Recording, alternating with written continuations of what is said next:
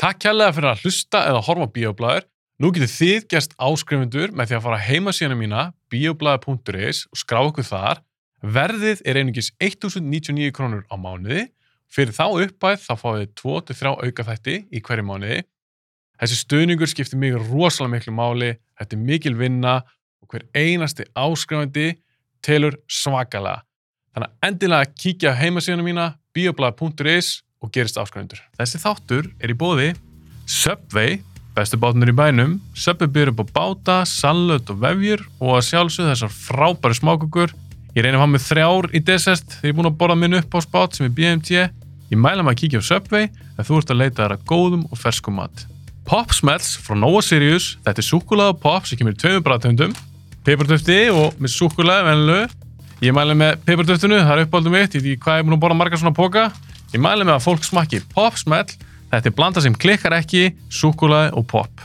Sambíóna, Sambíón reyka 5 kveikmyndahús, eitt á Akureyri, eitt í Keflavík, þrjú inn í bænum, Álabakka, Kringlunni og Eirsöll. Eirsöllin er uppáðs bíó mitt, mér finnst bara ekkert toppa sal 1 í Sambjón með Eirsöll.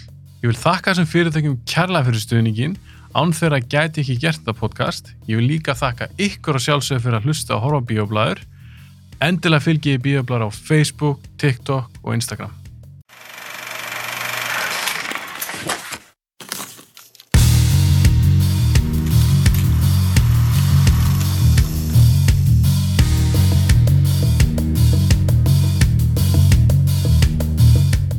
Mánið, þú er komin aftur í Sólaþátt. Yes. Það er alltaf gæðan að fá þig bara, bara þig. Óli þarf ekki alltaf að vera með. Þú ert hérna í smál hátuskasti. Við erum að tölum, ég ætla bara að segja það við fólk, ég ætla ekki að segja hvað við tölum um. Við vorum að tala um svolítið hérna fyrir þáttinn sem spoilar einu þætti sem ég hef gert. Ég vil ekki spoila honum. Mm. Þannig að við skulum bara offa það, það spjall. Við skulum okkur að það sem við erum að tala um í dag. Og það er Dune. Það er dún. Se, Dune, segirðu Dune. Dune? Þú getur, þú getur?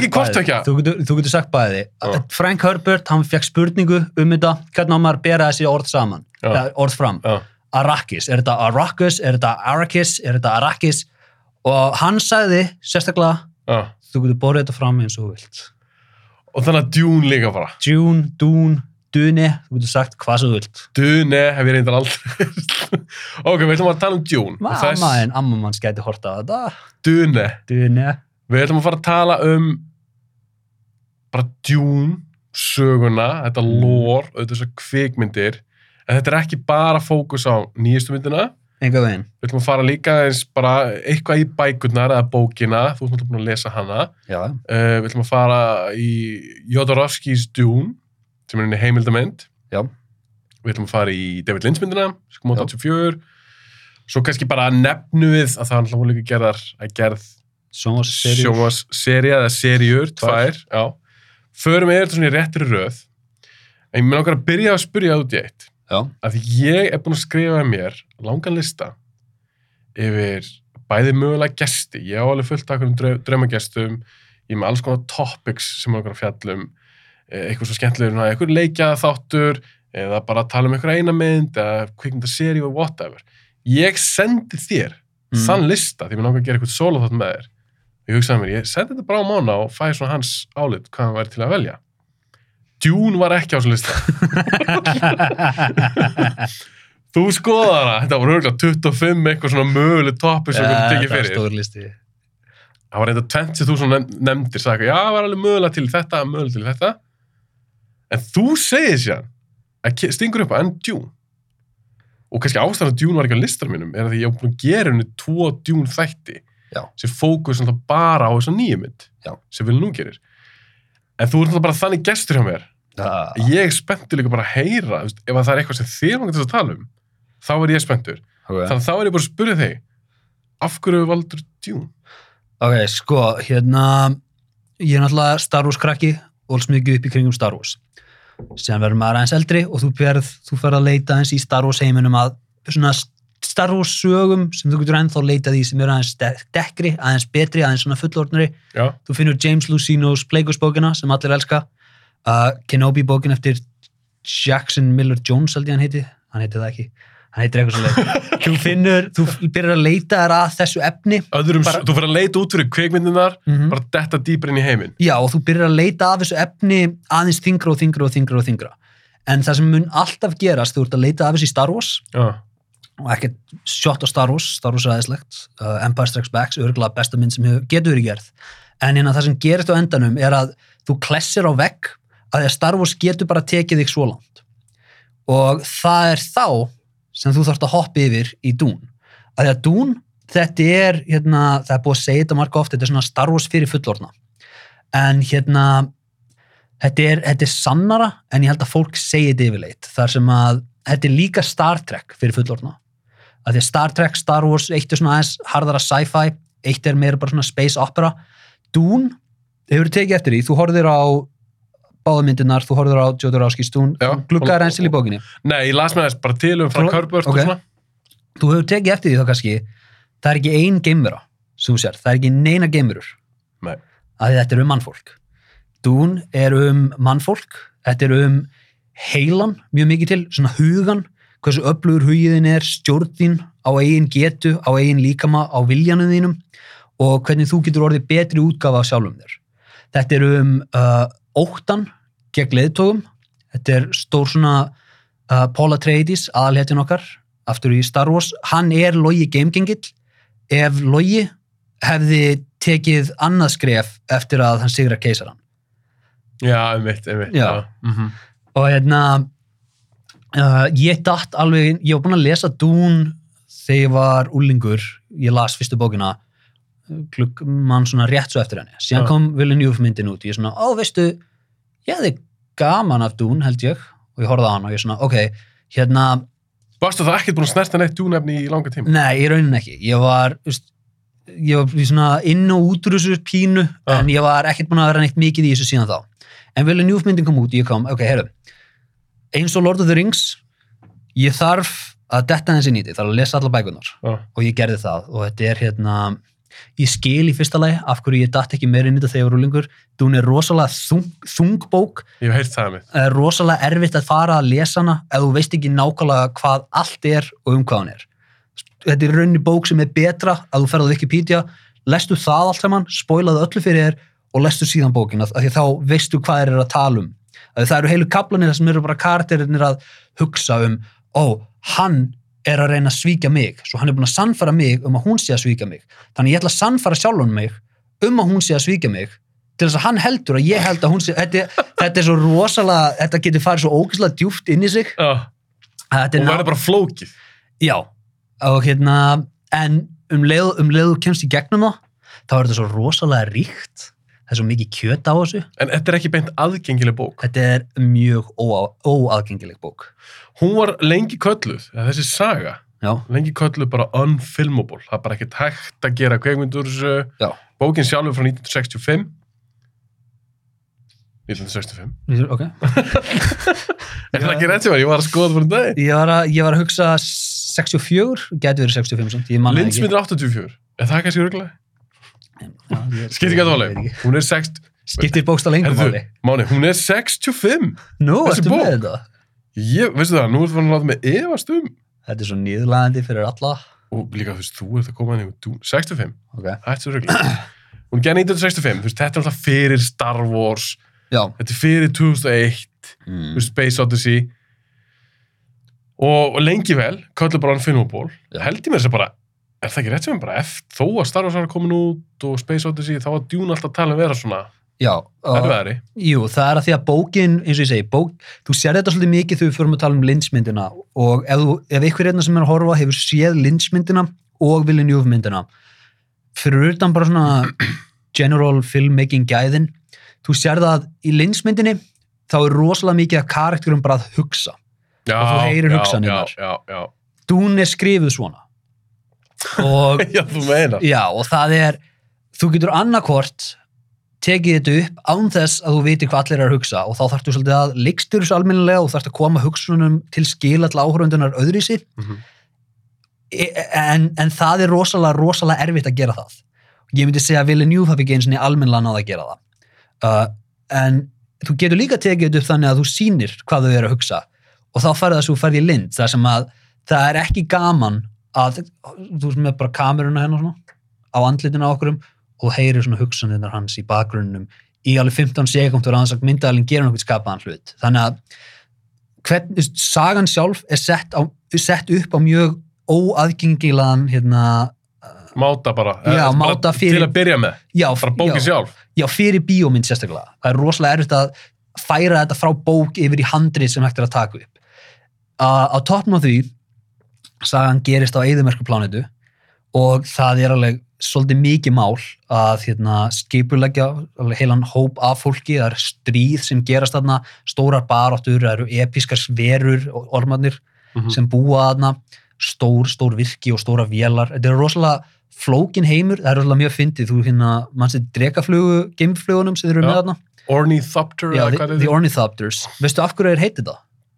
Nei. Orni, þetta er sem sagt ornithology, það er fuglafræði þetta er latína, Já, orni þýðir fugl Já. í bókunum þá er þessir, þessar hérna skutlu sem eru í með fjadrir þetta er ekki drekaflugur, þetta eru fuglar sem þeir fljúum í þetta er samt vélar. þetta eru vélar en Já. þær eru með fjadrir þetta, þetta er svona Og ég er, ekki, ég er, er að sjá það fyrir mér. já, þetta er mjög, þetta er mjög svona 60s Já, algjörlega. mm. Algjörlega. og það er, það er einmitt partlega það sem gerir þetta svona óaðgengilegt er að ekki bara þartu uh, talar um 2001 þú þart alveg þetta stökk í tæknibrellum bara að geta tekið þetta upp og saman með Star Wars að þú, það að geta framleitt hérna, propsin og puppetin og allt þetta til að gera þessa mynd en síðan er þetta aukaskref þar sem þetta er alveg þeimun íktara en allt sem þú sér þar Já, ég skilji.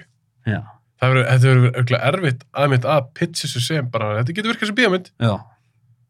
Og það er ekki það er ekkert hérna, að við gerum bara þætt úr þessu.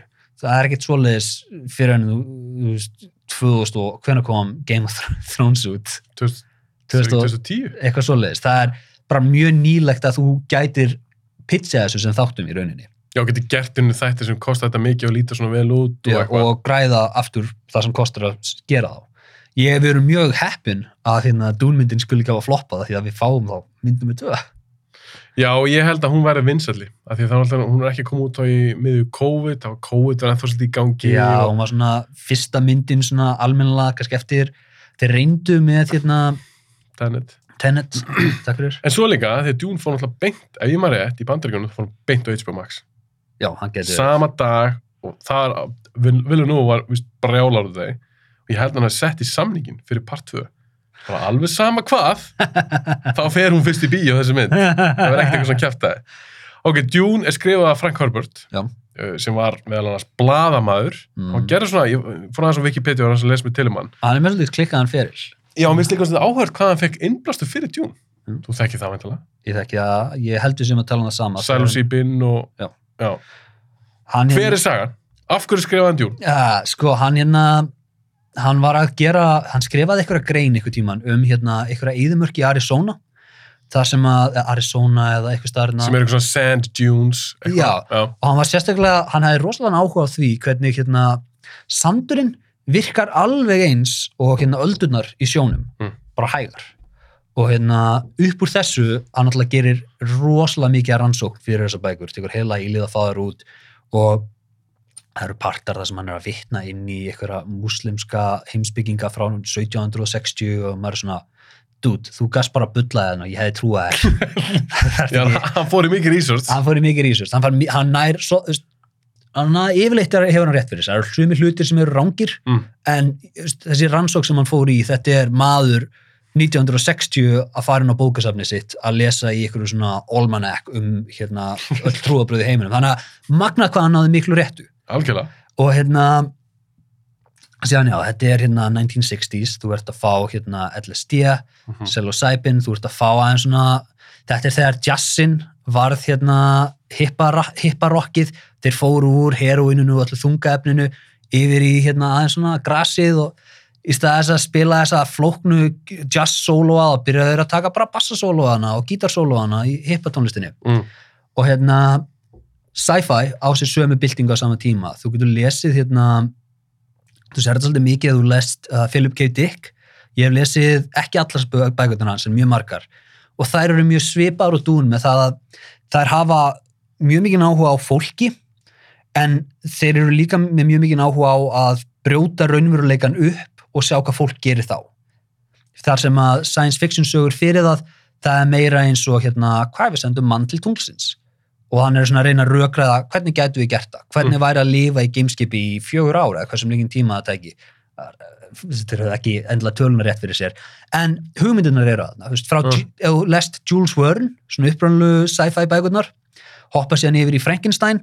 Frankenstein er mjög mikið um hérna svona the nitty gritty af hvernig þetta virkar. En þú er komin upp í þennan period af sci-fi bókum. Þá ertu að tala um Philip K. Dick þá ertu að tala um Frank Herbert Mhm. þar er þetta orðið aðeins svona aðeins bakaðra Og kannski einhverja þroskaðari hugmyndir, flóknari, Já. pælingar. Já, því þeir geta líka byggt á öllu sem kom fyrirfram eins og ég held að sé Foundation-serían Dún tekur rosalega mikið eftir því þar ertu með hérna Ég er um að horfa á, það er eftir Isaac Asimov. Asimov. Ég er Já. um að horfa núna á Apple-seríuna. Já, er það ekki einmitt svona eitthvað galaktik keisaraveldi Jú, Jú, jú, jú. Og það er líka, þetta er ekki meint aðgengilegt. Þú þarft aðeins að sína svo þólumæði og svona, já en hérna, þetta er svona þú þarft alltaf, no, þetta tekur nokkra kynsluður fyrsta kynsluðin, hún þarf að kynnast bara konseptinu að fara á botninu á hafinu það er alveg svolítið stökk fyrir fólk 1920 já, ef, ef þú sýnir mannesku frá 1920 Inception, þeir myndu halda að þú hafi gert eitthvað við þau. Þau myndu halda að þau hafi farið í eitthvað gameskip og gameurinn komu. Að því að, hérna, það er góð fóttu. að því að, eins og ég segi, þetta er svo rosalega byggt á öllu sem kom á undan. Það er að- sá grunnu varða verið til staðar til þess að Mhm. djún geta orðið. Já, því að Dune talar um hluti eins og The Spacing Guild og The Galactic Emperor og þeir taka það bara sem vissu að þú getur lesið þetta án þess að stoppa. Að því ef þú, þyrt, ef þú er að horfa á Star Wars og þú þurftur að stoppa ykkur einsta sinns þegar þeir tala um hérna að keisarinn er þarna, byrju keisarinn út í game er hann þá, eru að tala um Caesar, eru að tala um Charlemagne, þú veist hvað er að gerast hérna? En, en að því að þú ert búin að tengjast við efni sem að leiku sér með þessa hugmyndi fyrr þá getur Star Wars komið, sagt þetta og þú veist strax hvað þeir eru að tala um og þeir geta strax byrjað að tala um næsta hlut En er þetta að segja það að djún hefur verið í sömu spórum? Því Star Wars alltaf kemur eftir djún. mm Star Wars, ég held að Star Wars tekur mjög mikið eftir Dune líka. Ætlaði ekki Lucas líka bara, ætlaði hann ekki að gera djún mynd á sínum tíma? hann ætlaði að gera Flash Gordon mynd, ég veit ekki hvort hann ætlaði að gera Dune mynd. Hann las pottið ah, já, hann hefur þurft hann hefur, hérna, Frank Herbert gaf út hérna pistil þar sem hann er að tala um mjög svona grömpi að hann er svolítið bara frá þeirri kynsluð hann er að tala um alla hlutina sem að Star Wars stál frá sér við, við nefndum þetta aðeins, ef ég manið, í Star Wars þættinum okkar. Ég veit, bara svona líkindin. Mm. Þetta Þegar ég sá um þetta vilja númyndina, því ég var ekkit mikið inn í djún, minn svona smá brá, bara, vá, heyrðu, þetta, þetta er eins í Star Wars, þetta er eins, þetta er eins, þetta er eins. og það eru það eru hlutir sem er eftir að koma sem þú átt eftir að lesa og vera svona og, og þarna tók hann þetta og þarna tók hann þetta og þarna, þarna var þetta veist, meira sem Lucas tók, er það um það? já, það eru miklu fleiri hlutir eftir að koma Ok, þannig að hann skrifar þessa bók út frá okkur svona sælasýpin, eitthvað svona LSD-dóti og þessum sand dunes og byrjar að spinna þessa risa, þetta þetta er episk sci-fi saga. Lawrence of Arabia í geimnum Ég meina, ég, ég las einmitt, eh, eitthvað Wikipedia, að margir hafa sagt einmitt sko að Dune gerði fyrir sci-fi þessum Lord of the Rings gerði fyrir fantasy. já, ég held að það sé rosalega sangjant Þú veist, þannig að þessi, ég meina, þekkjur að þegar hún kemur út 65, mm. Samkvæmt Wikipedia, það sem ég las núna bara um daginn, þá, hún varði ekkert eitthvað mega hittari strax. Nei. En er þetta ekki algjör game changer í sci-fi og bókum, jú, sögum? jú, þú sér þetta alltaf í allir svona hlutinir sem að breyta heiminum þetta er annarkvært eins og Star Wars þar sem að þetta lendir eins og strax. Já, eða þetta eru hlutir eins og Lovecraft Lovecraft gjör sannlega breytti hryllingsheiminum Lovecraft var ekki vinsall þegar Lovecraft var að skrifa en krakkarnir sem lásu Lovecraft þeir urðu síðan næsta kynsluðin af rítumöndunum og þeir tóku svolítið mikið úr þessu. Og þeir heldur þessu lifandi. Þar sem að þú annarkvort þarft að grípa aðtíglinu hjá öllum eða þú þarft að grípa aðtíglinu hjá næstu elítunis í þessum klassa.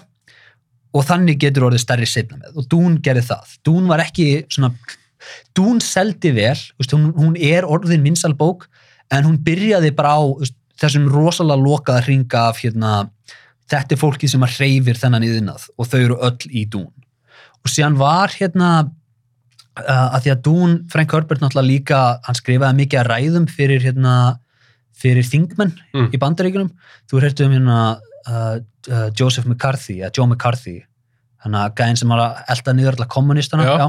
það er frændans Frank Herbert. Alveg rétt, já, ég las það mitt. Já, Frank Herbert var allur inn í þessum heimi líka og hérna það, þú veist bara, þú erum með sci-fi ævintýra bók sem er líka rosalega þung á pólitík.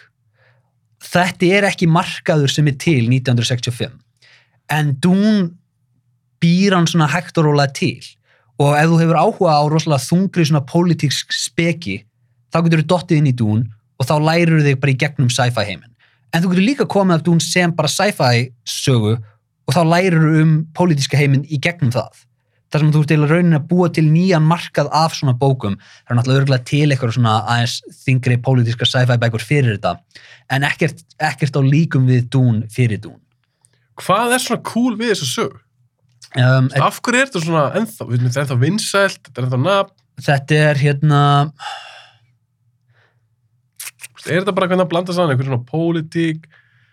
Já, veist, hva, Hvað er er- það sem gerir þetta svona einstakt? Sérstakt? þetta er, ég held þetta að fara aftur í þess að við tölum um áðan, þar sem að Dún er rosalega mikið um fólk, það eru enga geimurur í heiminum þú getur kannski sagt ormannis við geimurur en Já, þetta er ekki eins og Star Wars. nei, þetta er, þetta er fólk sem er að hreyfa heiminn og eins og The Bene Gesserit, þetta eru þarna nunnurnar þær eru með mjög spes heimsbyggi um hvernig heimurinn á að vera síðan ertu með The Spacing Guild og þeir eru með sína heimsbyggi og síðan ertu með The Tleilaxu og þeir eru með sína heimsbyggi og þau eru öll svona þau eru öll mennsk en þau hérna mennskan þeirra er mjög öðru í sig The Tleilaxu þau eru maður sem bóla tilbaka reyndar Já, ég ætla, ég, sko, ánum förum í þetta allt. já, Það því mér langar líka aðeins að fara yfir í þessi, þessi, þessi grunn, hvað sé, grunn eins og Bene Gesserit. Spacing það er eitt sem að, við ættum kannski að segja samt og það er að, þú veist, af hverju þetta var svona stórt að Dún gerist hérna, The Butlerian Jihad er hlutur sem gerist í Dún, það sem að allar hugsandi vélar, allar tölfur voru bannaðar af því að það voru menn sem notuðu tölvunar til þess að taka yfir lífinu hjá öðru fólki. Og það var bannað allar tölfur, aldrei búið til tölvu sem hugsaði eins og manneskja. Það er cool pæling. það er cool pæling. Það er ekki tölfur eða vélmenn en en, en á sama tíma, cool pæling en hvernig ætlar það að ferast þetta í game af því að í gamla dag tölvu bara til að reikna út bestu leiðina til að Mhm. classic áneitt þeir þurfa að vera með The Space Navigator sem borða The Spice Melange og það leifir þeim sjá framtíðina. Og þeir geta notað framtíðasjónuna sína til þess að leiða gameskipin örugla Mm hvernig ætlar að reikna hluti? Þú ert ekki með vasareikna ok, þú ert með mentats, þú ert með fólk sem er sérstaklega eh, bara alið upp til þess að vera tölfur að, og þetta er, þetta er sem ég held að gera dún svona rosalega áhugavert er að hérna eru allir hlutinir sem mannfólki reyði sig á til að gera lífið sitt auðvöldara taktu það í burtu og breyttu mannfólkinu frekar og hvað gerist? Það er cool hugmynd. það er rosalega cool hugmynd og hérna við tölum kannski aðeins meður um það aftur og eftir því það eru hérna, hlutir sem eru breyttir í myndunum uh, hlutir sem að, sumir hlutum finnst mér betri, sumir verri uh, eins og Liet Kynes,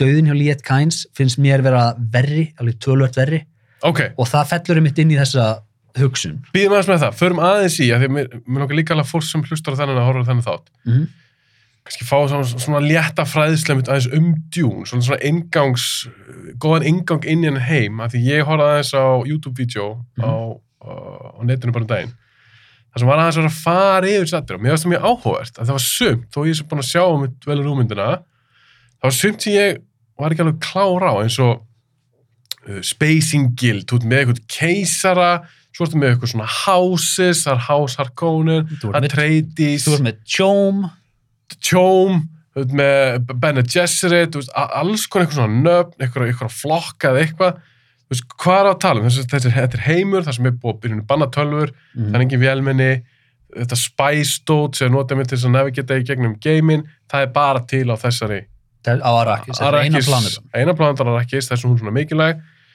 Bene Gesserit er eitthvað svona, svona nunnuregla, það eru konur sem er mjög öflugar, mm og hvað, hvað eru þær? Uh, The Bene Gesserit, þetta eru, hann Frank Herbert ólst upp í nunnuklaustri og The Bene Gesserit, uh, þetta er byggt á The Jesuits, Mm. sem var nunnuklaustur líka, svona kristin boðfræði eða katholsk boðfræði eitthvað svona og hann hérna, þú sér þetta og heldur áfram að lesa bækurnar, alveg að þessari sjöttu. Mm. Það er eins og hann hefur, hann hefur rosalega mikið hatur en líka rosalega mikla ástríðu fyrir þessum nunnum. Hann einhvern veginn alltaf fellur aftur í að tala um þær. Og ég held að sé eitthvað svona bara Frank Herberismi Mm. en hérna þær sem sagt þær geta stjórnað hérna líffræðinni sinni.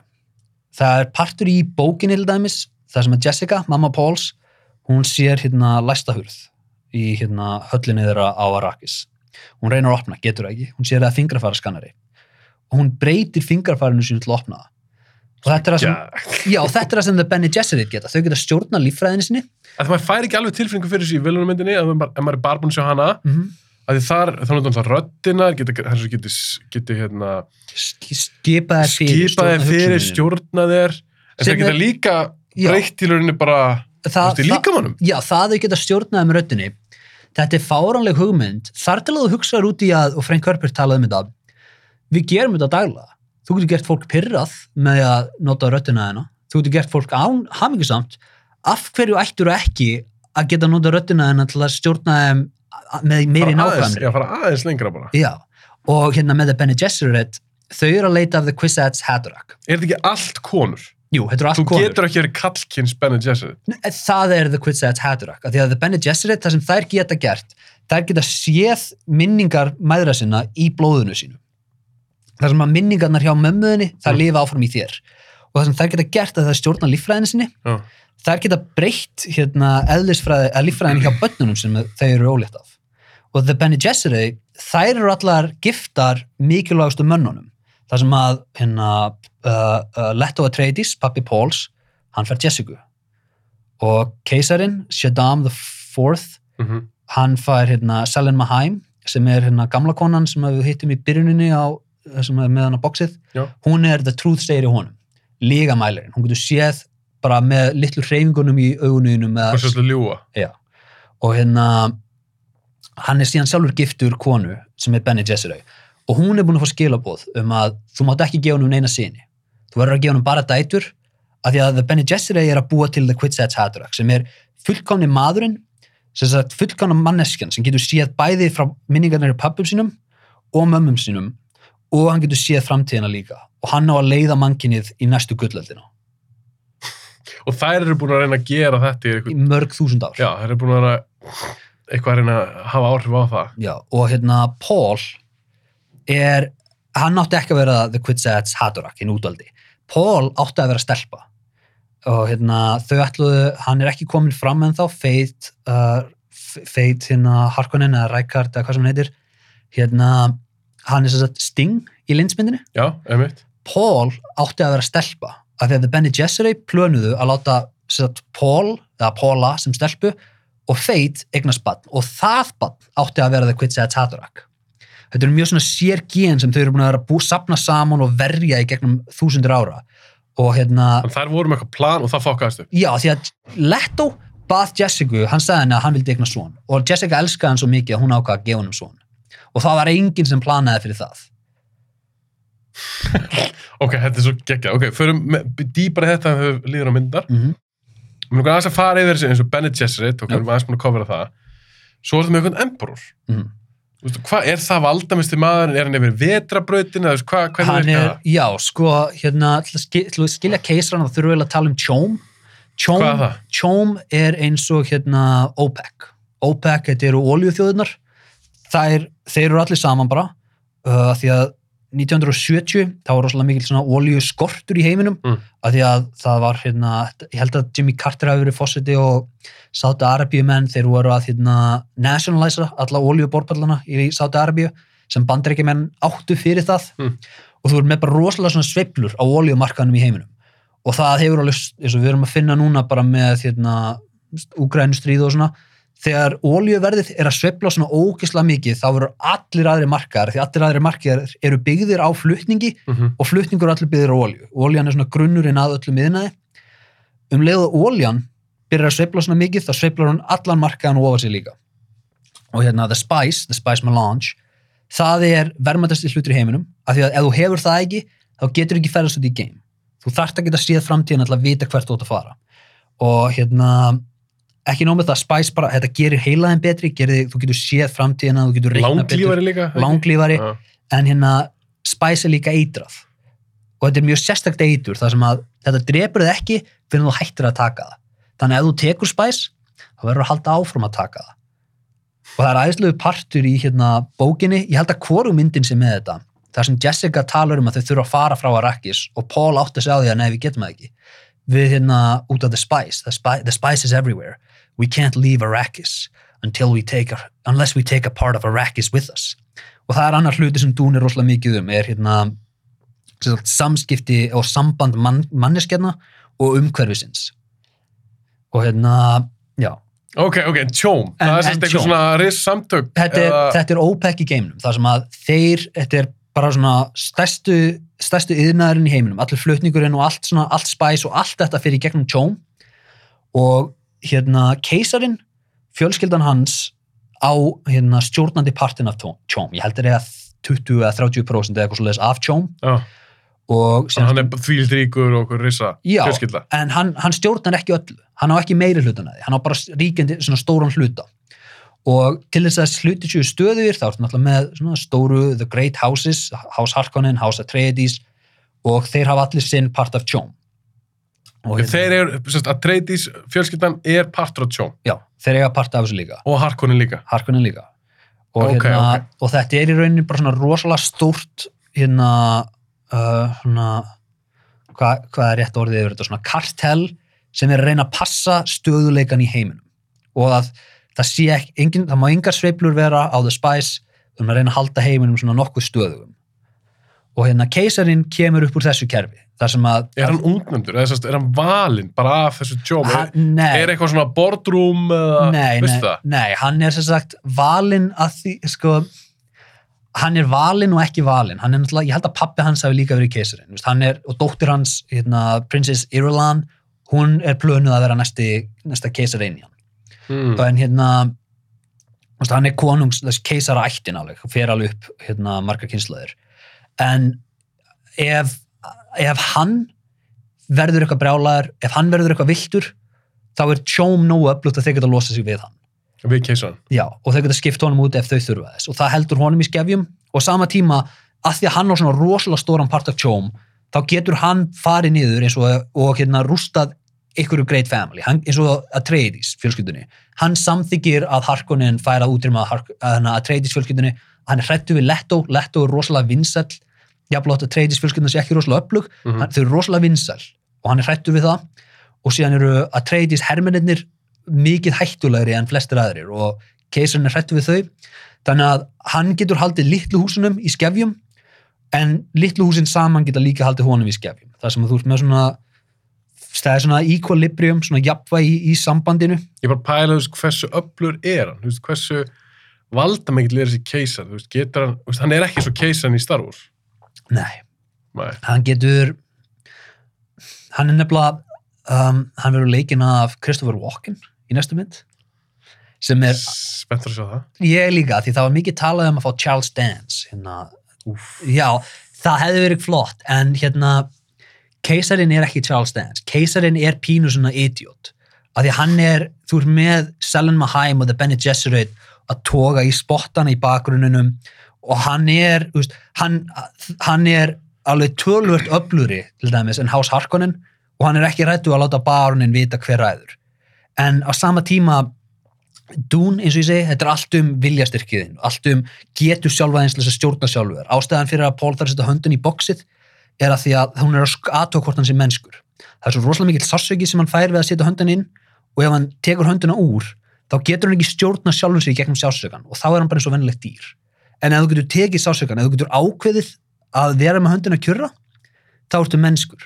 Og það að geta stjórna viljaðinum er það sem gerir þið mennskan. Þetta er að eina sem aðskilur mennin frá hinum dýrónum og það er sem gerir til dæmis þetta Baron Harkonnen ástæðan að hann er hinn aðal ílska í dún heiminum er því að hann er feitur, hann er veist, að gæin er að hafa endlust af kynlífi hann er sækist eftir, sækist í stjórn. hann hefur enga stjórn að vilja sínum. Borðar endalust, borðar endalust. hann, get, hann getur ekki stjórna neinu við sjálfa sig, það er partur í bókina sem hann er rosalega sorgmættur yfir því að Paul þurfa að deyja að hann finnst Paul svo myndalögur og hann vil fá Paul í rúmið sitt. Og hann bara, veist, hann, hann hefur svo mikla matalist fyrir öllum svona hlutum, það er aðeinslega partur þar sem hann er í ykkur matabóði og puttarnir hans er að hreyfast til svona.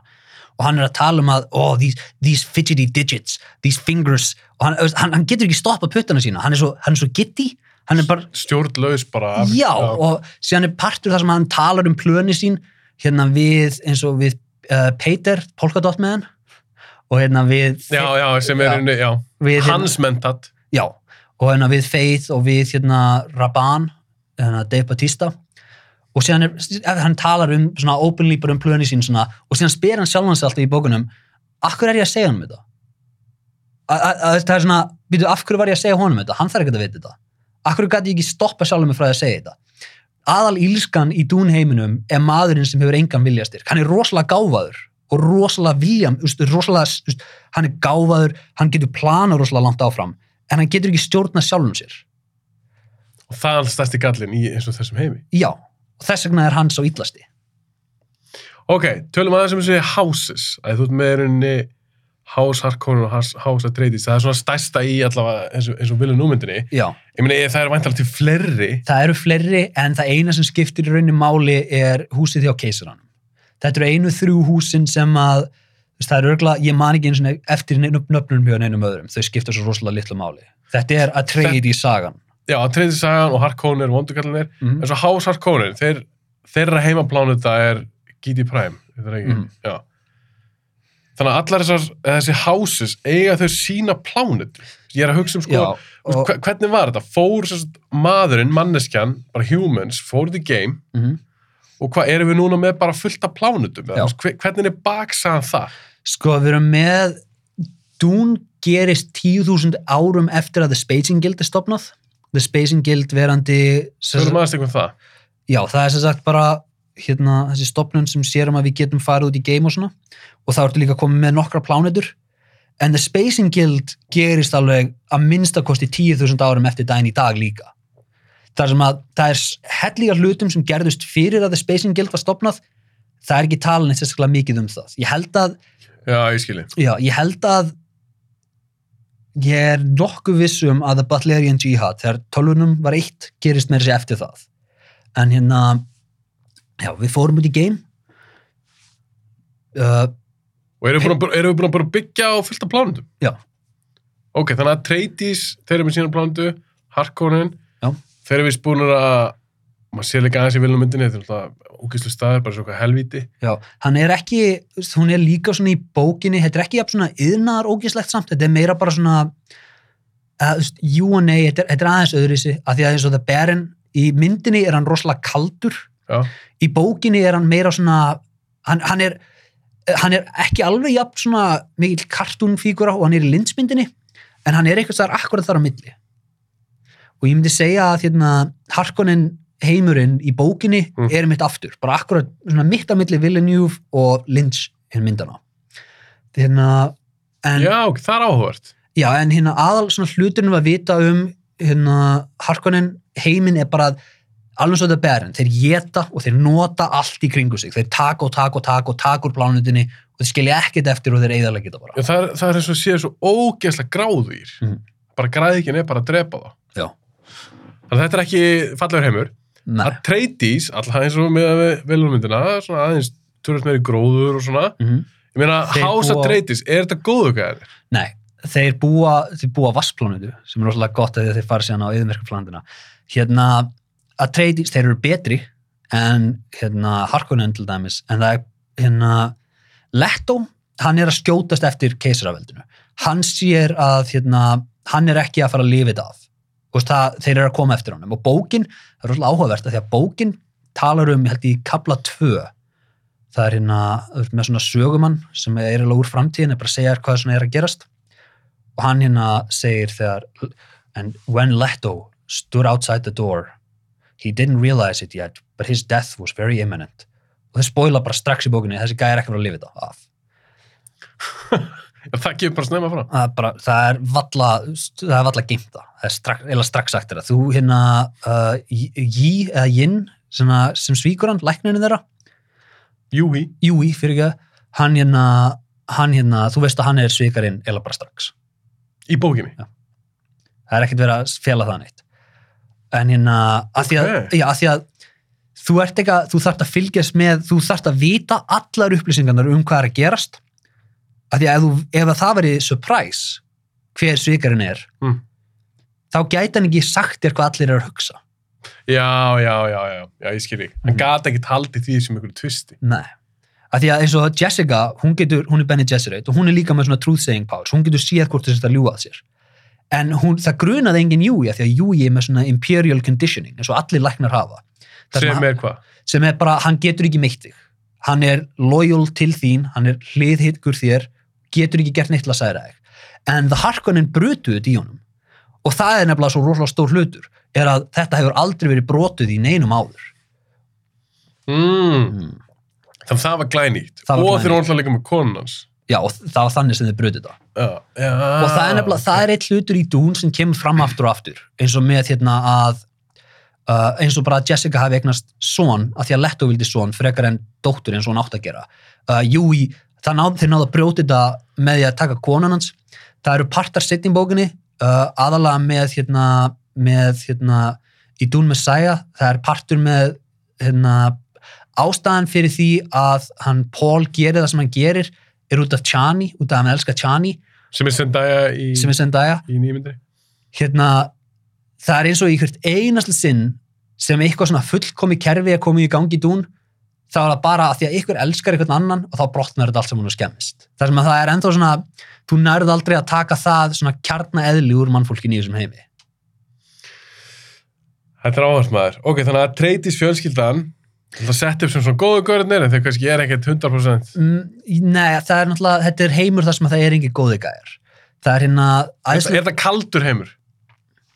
Að því eins og, ef, ef við já, það er sko rosa kalt. Já, þetta er ekki alveg að, þetta er, ég held að, já, þetta er náttúrulega kaldur heimur með hana, keisar og með konunga, þetta er eiginlega komið aftur bara árið 1400, hérna, þú býrð bara á landinu svo fettir á og eitthvað svona, en hérna, Leto, hann er að, hann, þegar hann mætir í dún, Mm. hérna, þá er hann að tala um að hérna, í Arrakis, þá notuðu við, we conquered Arrakis with water power. Here we must use desert power og hann tala mjög sérstaklega um við ætlum að nota The Fremen til þess að taka, til þess að skjóta á keisaraveldið. Hverjir eru fremmen? The Fremen er fólki sem býr á Dún og þetta er sem sagt hérna við tölum um, Dún er mjög mikið um samband mannfólksins og umhverfisins Mm -hmm. það er pláneta sem heitir uh, Salice Secundus held ég og það er hérna glæpapláneta ef þú er glæpamaður í veldinu þá varst þið bara henda á þessa plánetu og svo bara skilin eftir þar og það sem gerðist á örgulega mörg hundruð eða ekki fleiri þúsund árum er að um, það byggðist upp menningarna Í Að- áfangisplánundinu? já, af hörðustu glæpamönnunum og að því að þessi fangelispláneta var svo rosalega bara, ég held að þessi bara grjót pláneta, það er nánast ómögulegt að lifa þarna þetta er svo rosalega harðar kringumstæður að þetta gerði fólki sem bjóða þarna líka rosalega, rosalega hart Ah. og The Sardaukar menninni sem koma frá keisaranum til þess að slátra að treytis fjölskyldunni í endanum Her keisaransirinu bara? Já. já. þeir eru menn frá Selisa Secundus og Leto grunar það eftir og þetta eru örgulega fólkið fann fangelsisplanetun hans og þeir eru svona rosalega öflugir hermenn, öflugistur í vetarbrautinni í heiminum, af því að þeir koma frá hörðustu planetunni og en Leto hann sér að The Fremen frá Arrakis koma frá jafnvel harðari planetu þannig að þeir eru örgulega harðara fólk og það er veðmálið hans að ef hann getur fengið The Fremen með sér í lið þá er hann komið öflugri her en nokkur annar í, hérna, nokkur annar í keisaraveldinu Öflusti herin, er það Sarduka? Já. Sardakar, sem keisarn á? já, Það er, best, það er besti herin. það er besti herin Atreides herin er mjög sterkur en hann er ekki jafnsterkur Harkonnen herin mjög sterkur, ekki jafnsterkur The Fremen uh, kannski eru þeir sterkari, Ah, kannski ok, já, það, það náttúrulega kemur ekki ljós í þetta nýmyndinni. Nei. Við munum aðeins, setni í þessu þætti, þá munum aðeins tala um, það verður þá spoilerar fyrir Mhm. fólk sem hefur ekki lesið bækurnar og þekkir ekki söguna. Að þið munum okkur líka aðeins að forrætnast um, veist, hvað er að fara að sjá möguleg í næstu mynd og, og svo mögulega kannski í einhverjum framhaldsmyndum. Ok, þannig að þetta er svolítið svona grunnurinn að þessu djúndóti. Við erum búin að tala nú alveg svolítið lengi um bara, við þurfum ekki sem byrja að tala um eins og ég segi, þetta er rosalega óaðgengilegt En spennandi. en, en spennandi þegar þú veist hvað þetta er um þegar þú ert að lesa bókina og þú sér hérna, ok, Mother Hérna, Mother Selheim eða hvað sem heitir, ég er alltaf að glemja hvað hún heitir Já, sem er trúðsegirinn hjá keisarnum. já, hérna, she came in there with hérna, the ganja bar þú veist, þú lest þetta þú svona, hvað um Gomtja bara er, er, er, er það ekki hvað jú, það, er eitraði hrjóttununa sem hann ætlaði að stinga hann með ef hann tók höndin úr, Mhm. ef hann sannaði, ef hann var dýr, ef hann gæti ekki sannað að hann var maður. Ef þú veist ekki að það, þetta er náttúrulega þetta er fyrsti kaplinn í bókinni, Ah. ef þú veist ekki að það er það sem þau eru að gera þarna, og þá, þá, þá lest þetta og þú er svona, hvað er ég að lesa?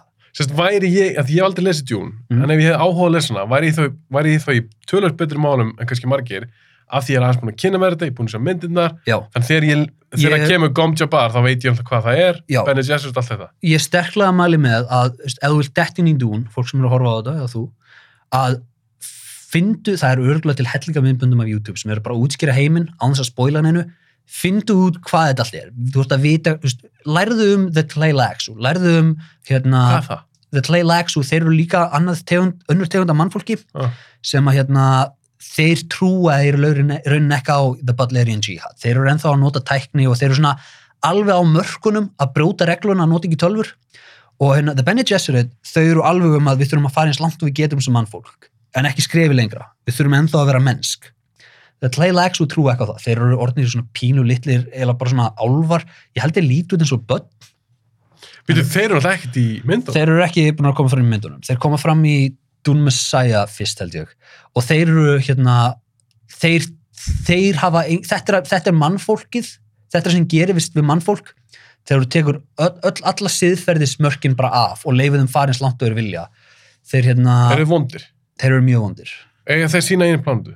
Já, eru, þeir eru á, ég held að þeir séu, já, þeir eru á X. Nei, byrju, þeir eru The Ixians. The Tleilaxu eru the, uh, 5.000 árum setna. Þeir heita The Ixians. Og þú plánutan heitir, það er æðslu partur í hérna Dún, þess að þið tala um að hérna, eða í Dún Messiah, að hérna, þú getur ekki skilið Paul Atreides ef þú skilur ekki Dún. Alveg þú getur ekki skilið X og af hverju plándan okkar heitir X ef þú veist ekki að hún er níunda plándan frá sólinni. Þeir veit ekki að, af hverju plán, þeir veit ekki af hverju þeir eru the Ixians. Þeir bara, ó já, X, það er nafna á plándunni. Nei, þetta, þetta er nummerið frá sólunni. Já, þetta er alltaf I í rauninni og Já. X. Og þetta er svona, þetta er, þessi, þetta er svona shorthand bara fyrir, já, þetta er plándan nýju. En síðan gleymist af hverju hún heitir það, en hún heitir það ennþá og þá tekur nafnið annari meiningu. Þegar fleiri og fleiri árin hérna líða. Ok, sorry, ég var að tröfla. Þú varst að segja, um, hvernig fólk til að tjekka okkur YouTube-dóti, Mhm. fræðast að þessum, og mér er sann líka bara að þau er búin að hlusta þennan þá, þá er búin að fræðast alveg eitthvað um þetta, um þessu grunnatriði. Er eitthvað meira svolítið að segja ánum förum bara í, mér langar bara að spurja út í myndindar og svona og tökka það er eftir þetta? Um, já, eru uh, einn annar kjarni við Dún, því að Frank Herbert var náttúrulega rosalega pólitískur rithöfundur. Mm -hmm. Dún er Dún er um hérna, þetta er um hugan og getur mannfólksins til þess að stjórna sjálfum sér. Þetta er um samband mannfólksins og umhverfisins en þetta er líka viðvörun. Þetta er viðvörun um, þetta er ástæðan fyrir því að þú ert ekki að vera blindur í því að treysta fólki, leiðtúum, ekki þeirra Stjórnvöldum. stjórnvöldum, leiðtugum, frelsisleiðtugum, trúarleiðtugum, e, þú þarfst að vera rosalega varkár áður nú, hérna, treystir þessu fólki. Af því að, smá spoiler, Paul er ekki góði gæinn, Paul er versti gæinn í sögunni. Til þessa. Þa, það er eitt karakter eftir Paul í Dún-sögunni sem er verri, en Paul er sá versti. Það er samt gæðvegt. Hann er, hann er logi geimgengill ef logi hefði verið vondigæðin. Ok, ok. Mm. Ég spyr aðeins meira út í það á eftir. Ok, förum aðeins í núna myndirnar. Já. Sérst, þessi bók kemur út 1965 og Frank Herbert skrifar, hvað skrifar hann, sex bækur? Já, hann ætlaði að skrifa 7-8 en hann hérna dó áður en hann gæti kláraðir. Manstu hvernig hann dó? 73, 75. Ja, það er langt síðan hann dó. Hann er vel döður. Ok, vel tur. Að því ég fór að hugsa að þegar að Jodorowsky, Alejandro Mm. Jodorowsky, Mm. ætlar að gera sína djún, þá er Herbert dáin. Ok, Held ég alveg örgulega. ok. Við minnum það. Þannig að það var ekki búið að gera neitt, kvikmynd, enga kvikmyndi neitt upp úr, upp úr djún. Mm. En Alejandro Jodorowsky, leiksturi, kveimninginamæður, mikill listamæður, Já, mjög svona yktur karakter. mjög sérstökum karakter og það var gerð heimildum núna fyrir 10 áru síðan, þess að 2013 sem heitir bara Jodorowsky's Dune um þessa mynd sem hann ætlaði að gera eftir Dune sem var aldrei að veruleika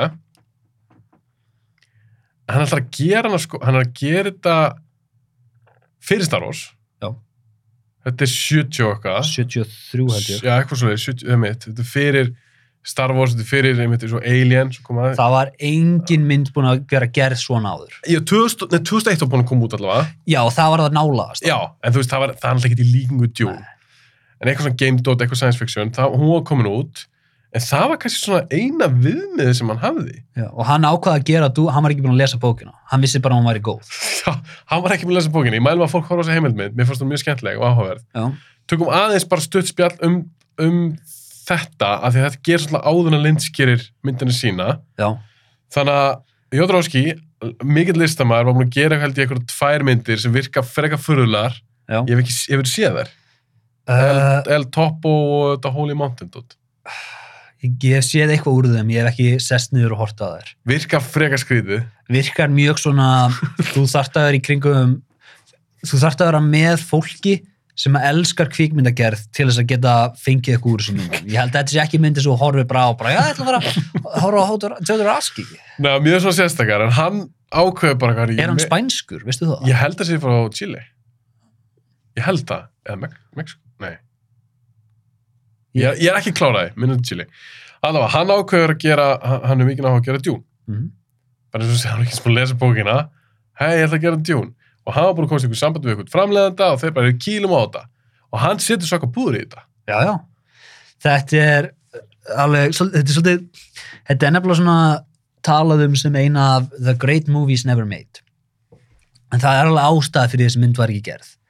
Þannig að Salvador Dali, hann ætlaði að fá Salvador Dali til að leika keisar. Dalið er búin að segja já Og hann ætlaði að borga um miljón dólar á dag.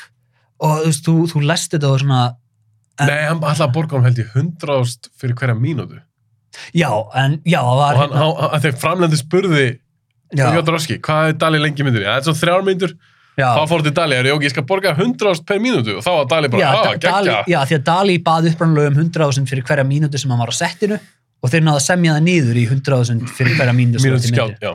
En, hérna, já, en þetta er svona þetta- þú, þú elskar að sjá hann tala um þetta, hann talar um þetta svo mikill ástríðu en það er svo rosalega augljóst að þetta var aldrei að fara að gerast. En var þetta og en þetta var- hefði, þetta hefði örgulega ekki verið góð mynd hefði að gera hana. Ég ætla samt að spyrja þig. Heldur þetta hafi verið réttu maðurinn til að gera tjúnmynd?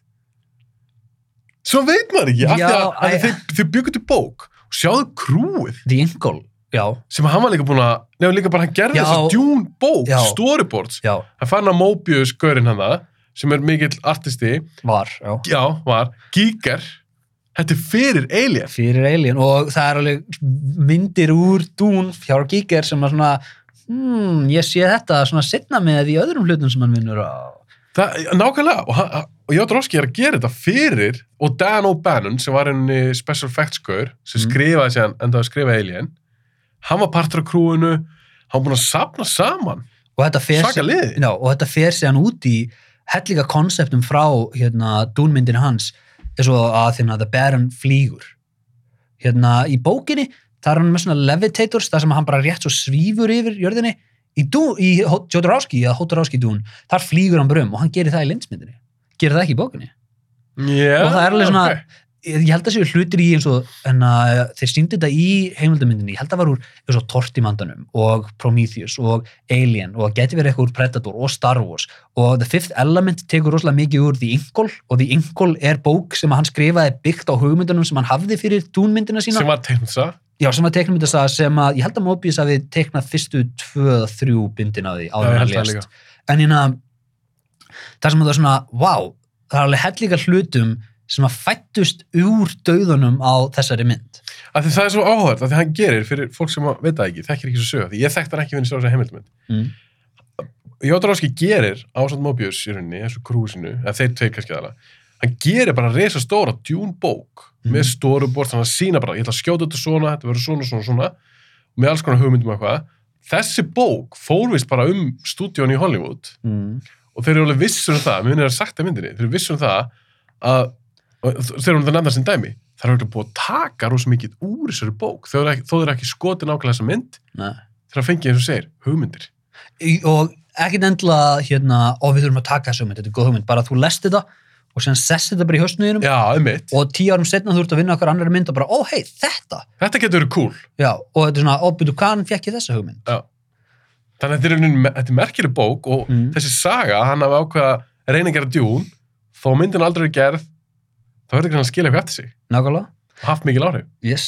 En hérna með, þetta hefði ekki verið dúnmynd. Hann sagði þetta sjálfur í heimildamyndinni þar sem að, uppbóðsparturinn minn í heimildamyndinni þar sem hann er að tala um hérna þú getur ekki tekið hérna, Frank Herbert og gert Frank Herbert mynd, þú þarft að þú þarft að nöðga þessu, þú þarft að taka með vilja og ég var að nöðga I was raping. I was raping ég spólaði tilbaka. Ég sýndi gæri sem Ale- Alejandro, róða þig, róða þig you have to rape, I was raping. Eitthvað, maður bara, hvað er það að segja? Nettlikaður Neklikaða gæi, en á besta hátt. Mm en hérna, það er, það er partur til þess að hann talar um að í hans útgáfu þá er Leto hérna, pappi Pauls, hann er ófrjór. Og Jessica hún tekur blóðdrop úr puttanum hans og hún breytir því hérna, í sæði. Já, inn í sér. Og hugmyndin er að Paul er fættur af andlegri ást, ekki líkamlegri ást. Og hérna í endurum á bókinni þá fer meðvindunst Pauls inn í heiminn og all, all mannfólkið og að Rekkis verður að þína grænni plánutu sjálfkrafa og ferðast um alheimin og breytir hérna alheiminum og gerir hann á svona lífrannan það er ekki dún.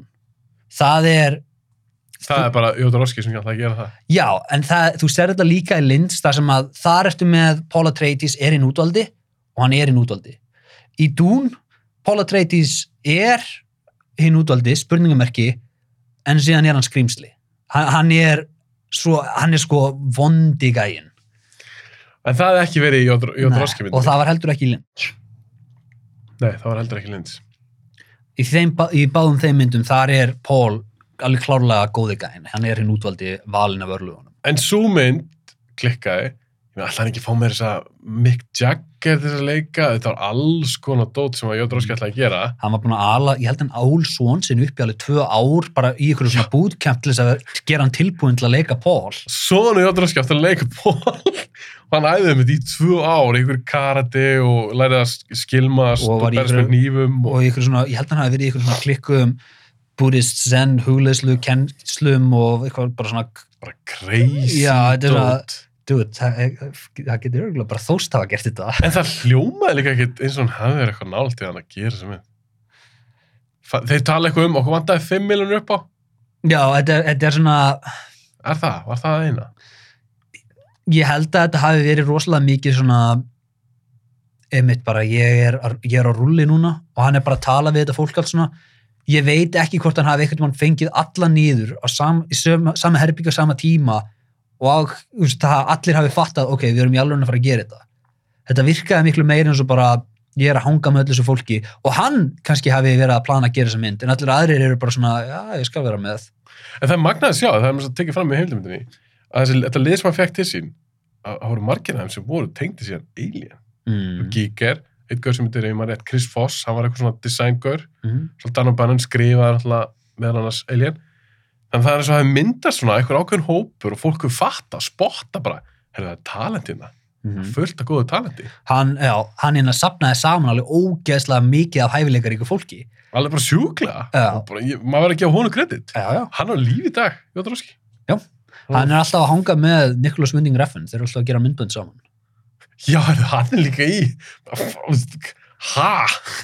Þegar ég sá hann í heimildumundri ha? Ég er aldrei giska að æ, þú veist, eitthvað, finnst það svo en ég meina þegar maður segir að svona, já, Refn er líka svona nett geggjaður náttúrulega frá Danmörku. Tveir nett geggjaðir saman að, já, að leika sér eitthvað. En svo mynd var, var aldrei raunveruleika nei. sem Jóta Róski ætlaði að gera.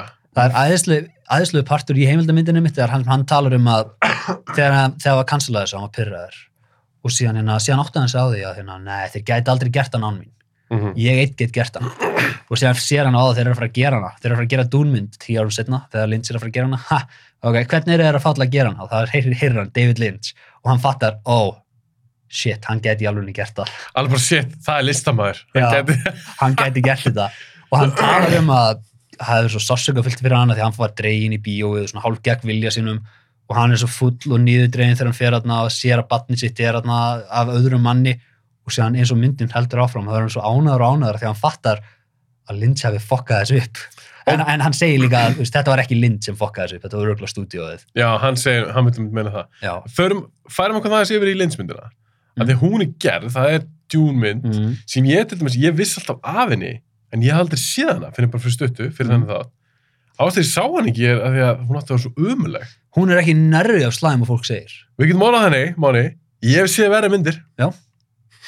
þetta er, sko, hún er Hva, ekki hvernig er hún? Hvað, af hverju er hún talin svona léleg? hún er mjög hún er, hún er mjög leiðinleg rosalega svona hæg, einmitt út af kartinu hún er mikið bara að hugsa um svona hlutina uh, Kyle MacLachlan æ, æ, maður elskar Kyle MacLachlan en það er eins og að hann hann er bara svona Miskast.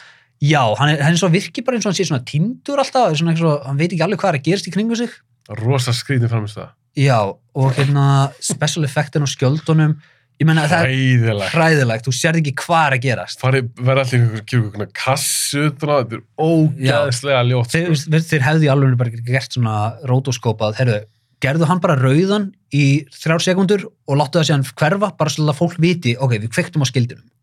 Þa, það er nóg, þú þarft ekki að Það er það sem kassa. gerðu. Við hefum ít á okkur takka og verða eitthvað svona, kassakallar, þetta er svo ógeðslega ljótt. og þú, þú veist ekki hvað er að gerast á skjánum en hérna uh, hún er líka, hún er, eins og segjum hún er aðeins öðru sem bókin. Við erum talað um það kannski smá, en það er líka fyrri parturinn af myndinni er rosalega hægur. Setni parturinn er allt of fljótur. Já, ég ætla að, sorry, ég, ok, áður höldum að áfram með það, þá verði ég að tala við um, það er til þjættirkúlga mm. sem ég er búinn að sjá, sem er 2 tímur og 70 mínútur. Mm. og það ávist að kofvera alla djúmbókina Mm. Villeneuve gerir hennu, hann spytt hann í tvent Mhm. sem er skynslákurinn með því ég sá sér bókin, bókin er sjálf skipt niður í þrjár bækur Já, er það? Mm. Já, er djún uppalega bókin? Kom, er það ekki bara ein bók? jú, en hún er, þetta er Er það þrýr kaplar? já, sko Dune Messiah þú væri að setjast niður og lesa hana ég held að þú getur fengið hana á Audible og þar er hún 8-12 klukkutímar eða eitthvað svo leiðis Ah, um, en Dune Messiah er framhaldið. Dune Messiah er framhaldið fyrsta Dune er alveg tvöfall lengri fyrsta Dune er alveg stór bók hún er sjálf, eins og ég segi, skipt niður í partur 1, partur 2 og partur 3 af Dune En samt eitt bindi, þetta, er- ekki svo, er Lord of the Rings. Nei, ekki, nei, nei, nei, nei. Þetta er ein bók, en Lindsjörunni ger hann alla, Já. en út hvað sem ég sá að Theatrical, Mm. svo var ég aðeins að kynna mér þetta, þá er henni til Extended líka. Og hún er heldur 30-40 minnir lengri, Já. heldur en Theatrical útgáðan. En Lynch vill ekki setja nafnsitt við hana. Það- gefur bara Alan Smithy, directed by, sem bara kjæft þess nafn. Þannig ég hugsaði með mér, þá var alltaf frekar allir sjá Theatrical útgáðana. Lynch lítið þá að finnast hún vera skarri af því hann tók ekki neitt átt í Extended en þú segist þá síða Extended ég sagði það en um leið og byrjar að tala um það ég hef örgulega frekar séð theatrical útgáfuna af því að hérna mér finnst eins og ég nefnilega er ekki alveg viss en ég held ég frekar séð theatrical útgáfuna af því að ef hún er alveg 40 mínútum lengri extended útgáfan þá finnst mér eins og eitthvað við endan hefði verið teikt aðeins lengra. Ok, það er eitt sem ég get sagt þér strax ég held alveg sé ekki í Extended. Ok, Theatrical byrjar á Virginia Madsen leikonan leikur prinsessu, Mhm. hún er að tala. Já ok, ég sá það. Það, ég held að það sé ekki Extended. Okay. það er aðeinslegt atriða sem hún er að tala þarna, þetta er prinsess Irulan sem er að segja söguna, hún er dóttir hans sinna Shaddam the Fourth. Mm hérna, og þessi karakter er ekki í vilja númyndinni ekki ennþá, nei, ekki hann hún þá kemur í næstu mynd. Er það ekki Florence Pugh sem leikur hana? ég held það, ég held það. Það dóttir hans Christopher Walkens hérna það er partur sem hún er að segja bara svona þau eru að tala um svona heiminn og hvað er að gerast og síðan fer hún og síðan kemur hún. Oh, and by the way hún kemur aftur. Fyrir í byrjuninni? Hún, fe- hún feitar út og comedically feitar hún aftur inn og heldur áfram að tala. En hún er svona að útskýra kannski reglunar eins um heimi eða, Já, og þetta er svona, ef þú fóst á Dún í bíó, þá, gastu, þá fegstu í sömum bíó sem fegstu bækling sem útskýrði hann heim fyrir þér. nei. Jú. Af því að þetta er svo, þetta er svona, þú, hvað er það, þú, þetta er, þú þarf svo mikið að byggja þig inn í hann heim áður nú við ferð inn í hann. að það kemur þessu í linsmyndinni og við munum auðvitað að spoila linsmyndinni og viljunúmyndinni Mhm. það er bara fólk eru bara sætti sig við það, en spoiler fyrir svona framaldið, ég ætla bara að hafa það sérkabla og Mhm. í lokinu þessu þætti. Þið þurfu, það er ekkert sem við segjum ykkur fyrir fram, að finna Dune Part 2 frá Villeneuve strax, engar ákur. Nei, við ræðum það bara síðast í þættinum. En þessi, þessi linsmynd, að því að hann gerir sko, hann er að gera mynd eftir þessari bók og þetta er svo, eins og segir, flókin saga, þung, erfið. Hvernig er alltaf að gera þetta? Og ég var reyna að setja mig í spór. Ég var alltaf búin að sjá Vilja myndina og vissi svona aðeins um þetta. Ég var reyna að setja mig í spór bara einhver sem fór á þessa mynd í Bíó 84 sem var ekki búin að lesa bókina. Og þú, svo kemur allt í henni einhver, ég ætla að spyrja um það, það er einhver vera í byrjunni Já, ég, sem er eitthvað talandi og verðist ráða einhverju og stjórna einhverju. Er það space Já. gild? þetta, já, þetta er það sem gerist við mannfólk sem er hérna, sem tekur the spice of lengi og byrjar að breyta svona. Þetta er ekki svona íkt í bókinni, ég held að í bókinni þeir eru bara með svona, svona fiskafáður Svo fit. Já, og þeir eru bara svona aðeins svona aðeins breyttir en mér finnst það rosalega flott í linsmyndinni og það er nefnilega það sem er svo áhugavert í linsmyndina er að hún er, hún er pínu svona disaster en það er líka svo ógeðslega mikið af hlutum bara eins og það, það sem er svona, ó þetta er góð breyting. Alveg bara, vá, þeir eru orðnin skrimsli þessi gæjar, til þess að geta séð, í, myndinni talar um að they fold space, Já. þeir beigja geimin svona, þetta er shorthand þetta er svona já og nei þeir eru að því en hérna, þetta er nógu góð lýsing sem þeir gefa, Mm en í rauninni þá er það bara, við getum séð allar mögulegar framtíðnar hérna hjá okkur og ef við veljum þessa framtíð þá getum við komist þarna öryggir þannig að vel, í, við þurfum að leiðbyrna gameskipinu svona Þetta er skrimslega hvað þessi vera, þetta er unni, þetta er manneskja þetta er manneskja. Já. Og þeir sjá um minnum að fljúa þessum Já. gameskipum eða hvað þetta er. að stýra þeim Já, stýra þeim. En það er eitt, eitt í þessu líka sem svo fyndi. Hún er rosalega svona, þetta er skrítin mynd, Já. kannski svakalega aðgengileg, en svo er þessi að reyna, af því að það er svo oft það sem er bara að vera að halda í höndur á manni, mata mann. Maður er líka bara, vá, ok, já, ég veit, þú þurft ekki að segja þetta svona. Skilur hvað við? já, já, það er rosalega mikið svona Villeneuve og Lindsmyndin taka akkurat öfuga svona stöðuna á að því að karakterinn hugsa svo mikið í bókinu svo mikið að bókinu er bara í haustum á karakterunum Já, það sem að Villeneuve, hann gerir það ekki Villeneuve sýnir bara karakterinn að tala og gera það sem það er að gera mista skári kostur.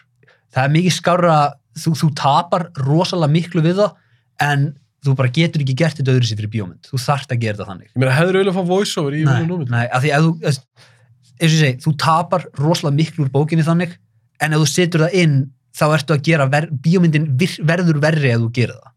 En það er gert svolítið í Lynch. það er ekki svolítið mikið í lins Já, það er bara allir sem að þú fara að heyra allar hugsanir og... Já, það er líka hérna já, það er líka þú sér svolítið mikið, það er rosalega mikið af hérna búningunum í linsmyndinni sem er rosalega fallegir vissur að, veistu, veistu söguna af fremmenbúningun en að the, the still suits í linsmyndinni Menur af hverju lítur svona út? já, Nei.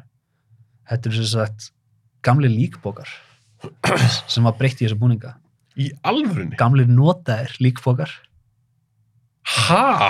Það hljómar svo kjáft það. þetta er satt Var eitthvað búningur hann sem tók það að þá og bara saumaði eitthvað, ég held þetta var eitthvað dót sem þið fengur bara on the cheap og þeir byggur þessu búninga til úr því ég hef heyrti það, það má fact checka mig ég er tilbúin að heyra þessi lígi en ég hef heyrti það, Þetta er mögulega satt og mögulega þetta er linsmynd að því að, að, að þetta er linsmynd Er þetta linsmynd?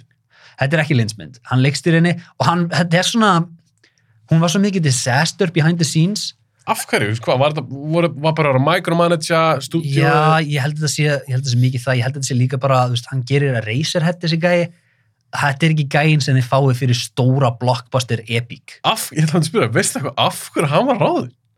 Þess að gera þessa mynd? Þetta er nefnilega svo fyndið að því að hann hérna, hann lappaði frá Return of the Jedi að því hann fekk bara eitthvað, hann fekk mýgrinni þegar hérna George Lucas var að tala um The Wookiees og hann, hann bara, nei, get ekki þessu. Evox. Nei, nei það, það var The Wookiees. Wookiees. Hann, Lynch segir söguna sem The Wookiees.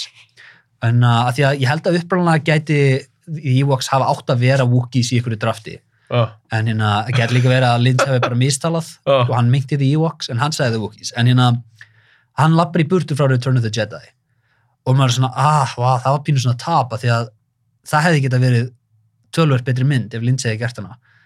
En síðan horfum maður á hérna Jú. Dune og maður er svona nei, kannski ekki, kannski virkar hann ekki kannski, kannski er hann ekki maðurinn sem virkar í svona rosalega stóri framleiðslu en af hverju gerði hann þá Dune? Þú veist, hverju, ef, ef hann segði nei við Star Wars og að því að hérna, að, Wookiees, þegar bara ég er að fá hausur frá þessu hefur, bró, En ég fór um að tjekka þess á þessu, því ég er ekki beint svona mesti lins aðdáðandinn. nei, Ég hef ekki séð marga myndir þannig, nokkrar. Og minnst það oft vera bara eitthvað bull. bara skilnar ekki. já, En svona leikstur sem langar að gefa, maður gefa hann betri séns, en meiri séns, annan séns. En ég tjekka, hann var bara búinn að gera tvær myndir á hann að gera Dune. Hann gerir, hann gerir Eraserhead og Elephant Man. mm. Ég er ekki búinn að sjá Eraserhead og ég hef ekki séð Elephant Man. En Elephant Man er það ekki aðeins meira svona straight forward mynd? Jú. Já, Eraserhead er pínu steikt það ekki. hún er pínstegt Já. en hún er mjög svona hún er, svona, hún er steikt frá þessum tíma það sem að venjuleg mannskja í dag því við, við erum svo mikið betri í að lesa hérna bíómyndir í að lesa allt svona, svona sögu efni venjuleg mannskja í dag getur bara hort á Eraserhead og skilið nákvæmlega hvað þessi myndir um Og hann alltaf á sín tíma þótt hún eitthvað vera Já. já. steikt. Og hann gera þessar tvær myndir. Ég nokkuð sem það hafa bara gert þessar tvær. Vissur að Mel Brooks fram, fram, framleiti Elephant Man Nei. hann tók nafni sitt af henni af því að hann vildi ekki að fólk held að þetta veri grínmynd en hann framleiti hana Já, Já. það er. Af því ég hefði pott haldið það grimmynd ef Mel Brooks nafni hefði verið. uh, The Elephant Man Einmitt, eitthvað djók. Það sem ég hefur að pæla, var hann ekki bara þessum tímabili? Var hann ekki bara, að að- hann ekki bara að finna sig sem listamann? gæti verið þegar, þú veist, Lind sem maður þekkir í dag, ég myndi aldrei halda að hann hefði áhuga að gera eitthvað, eitthvað space, sci-fi, risa mynd eitthvað. Nei. hann er með, hann er hann, ég held að já, ég held að hann kynnist Carl McLaughlin á það er svona, já, ok, eitthvað Já. gott kom úr þessu Fekk hann alltaf með sér í Twin Peaks. mm. Já, þannig að Lynch gerir hana, eða stúdíu, ég er bara að pæla alltaf sé eins og þegar Fincher gerði, gerði Alien 3. það gæti verið Fincher hatar hana. já, þetta er, Hatar Lynch Dune, veistu það? já, hann alltaf þetta voru tvö ár held ég sem hann var að framleiða hana og þetta var disaster og er, hann er alveg búin að segja það ofta að hann vill ekki koma nált þess aftur það, að, ég held að hann tók alveg sérstaklega fram hann vill ekki gera director's cut hann vill eða bara gleyma þessi myndi til. Hann, þess vegna er mitt Alan Smithy á extended cutið, hann vill ekki gefa hann bara, nei takk. Vill ekki snert þetta. En tölum það sem því eftir glúðgána, því við báðið séð hana. mm. Ég er náttúrulega samanlega, mér finnst fyrirlutin betri, Mhm. þrátt verið eitthvað svona, já, kannski svolítið svona hægt, en ég hugsaði með, þegar hann var svona hálfu myndin, ég hugsaði með, þetta er, þetta er allt í lægi mynd, mér finnst það ekki þræðilega. það eru alveg ruslahugarnir fullir af svona sci-fi myndum frá þessum tíma sem eru hundrafall verri. Ok, setni hlutin, já, eins og þú sagðir, að- gerist allt og hratt. já. Mér Þetta er- fannst bara, veistu hvað er Þetta var- áhugavert við þetta? Er hérna að setni hlutin á myndinni eru senstu tvö tvær bækurnar í hérna upprannlega dún treðan á svona miklu efni, dún er í skipt, kannski klukkutíma. dún er skipt niður í að treytis fjölskyldan lendir til að Rakkes þar til að hérna þeim er slátrað síðan hittir Paul og Jessica the Fremen og lifa með þeim. Og síðan senst þriði parturinn er þegar þau berjast á móti keisranum Ok, en þannig að, eins og vilu nú, hann endar náttúrulega þegar þau hitta, hitta fremmin og er svona að fara til þeirra. Já, þú, getur, þú, þú getur mjög léttilega klift svolítið af tímanum þeirra með the Fremen sérstaklega þess að þú getur bara hoppað ok, tveim árum setna þú getur gert það og þá svona, getur þú hoppað yfir svona kaplana þú þarf til dæmis, það er partur í bókinni mástu hann hérna Paul drepur hann hérna hann hérna uh, ja, Jasul, ég man ekki hvað hann heitir hann hérna, Já, í vilu nú, já, skoðinni, já. já. hann hérna drapa hann til þess að, því hann hóta á hann með að koma í the tribe Já, í lokin. Já, hérna, að því að hann drap hann, þá hérna er fjölskyldan hans, núna fjölskyldan hans Pauls og hann þarf að sjá um konun hans og börnun hans og það er svona, bara svona hefð. Er það í bókinni? Það er í bókinni. Það er nefnilega hefð í hérna, Það er ekki linsmyndinni. Og það, það verður ekki heldur í viljunni myndinni, er ég vissum. Leifið mér efast, af því að þetta er svona, þetta er áhugaverð hefð fyrir þau til að hafa. Af því að þetta er svona hörð plánund og þú þarfst að hafa rosalega sér reglur til þess að geta meika það hérna og þú maður ekkert fara til sóunar. Já, líkamann hans tilherir hérna fjölskyldun hans en vatnið hans tilherir hópnum. En hérna þú getur tekið þetta í burtu vant, þú þarft ekki að hafa þetta í myndinni okay? og það er svo rosalega mikið af svona litlu hlutunum með þau fremmin sem þú getur rauninni klift í burtu og það er alltaf lægi En það er rosa mikið strípað virðist vera í burtu. Af því setnir þetta nú linsmyndinni. mm. Eins og hann kynist hann að Chani, sem er, þetta er valla karakter. Nei. Zendaya fekk allan aðeins meiri karakter í nýju. Já, ég er samt svolítið, ég skal sé tölum um það eftir, ég er svolítið hrættur með hvað ég gera með, Zend- sem, með Zendaya, með, Með Chani. Já, að því að, hérna, Getur þú sagt þetta á þess að spóila? Ok. Nei, þá er þetta alveg að spóila, þú mátt spóila nómyndinni en ekki part 2. já, sko, að þú færð ekki Zendaya til þess að leika Chani frá bókinni, við skulum bara segja það. Já, já, ég skilji. Já, já, já, ok. Ok, ræðum það ekki Já. skæðast betur eftir. En uh, hún sérst, er í, í linsútgáni. Og þau verða bara, Já, svo bara allir kissast þau. Já, það er, Það er einhvern veginn engin uppbygging eða neitt. nei, en veistu, veistu, þetta er í bókinni líka. Hæ? Já, það er rosalega, að því að, Er farið svona rætt yfir sögu það líka? Nei, nei, þetta er hérna að því að Herbert er að skoða svona rosalega flóknar stórar hugmyndir þá hérna er það rosalega mikið að karakterar koma fram ekki sem karakterar fyrst en frekar sem hugsunarháttunum fyrst eða sem vandamál fyrir aðra karakterar að leysa og Chani og Paul þau hérna, hún er hún er náttúrulega bara stelpar úr draumunum hans. Hann hefur séð drauma í framtíðina og hann hittir hana. Og hérna þeir spóla, það er ekkert svona og síðan urðu þau ástfangin. Það er bara þau eru ástfangin. Af því að hann hann, hann hérna, þú lest bækurnar svona, uh, hvaða bækur eru bestar af Dune bókunum, Já, yfirleitt myndu sjá að The God Emperor of Dune, fjórða bókin er best eða fyrsta bókin. Og þú mynd oftar en ekki sjá að sjötta eða önnur bókin sé verst, sem sagt hérna, Chapter House Dune eða Dune Messiah.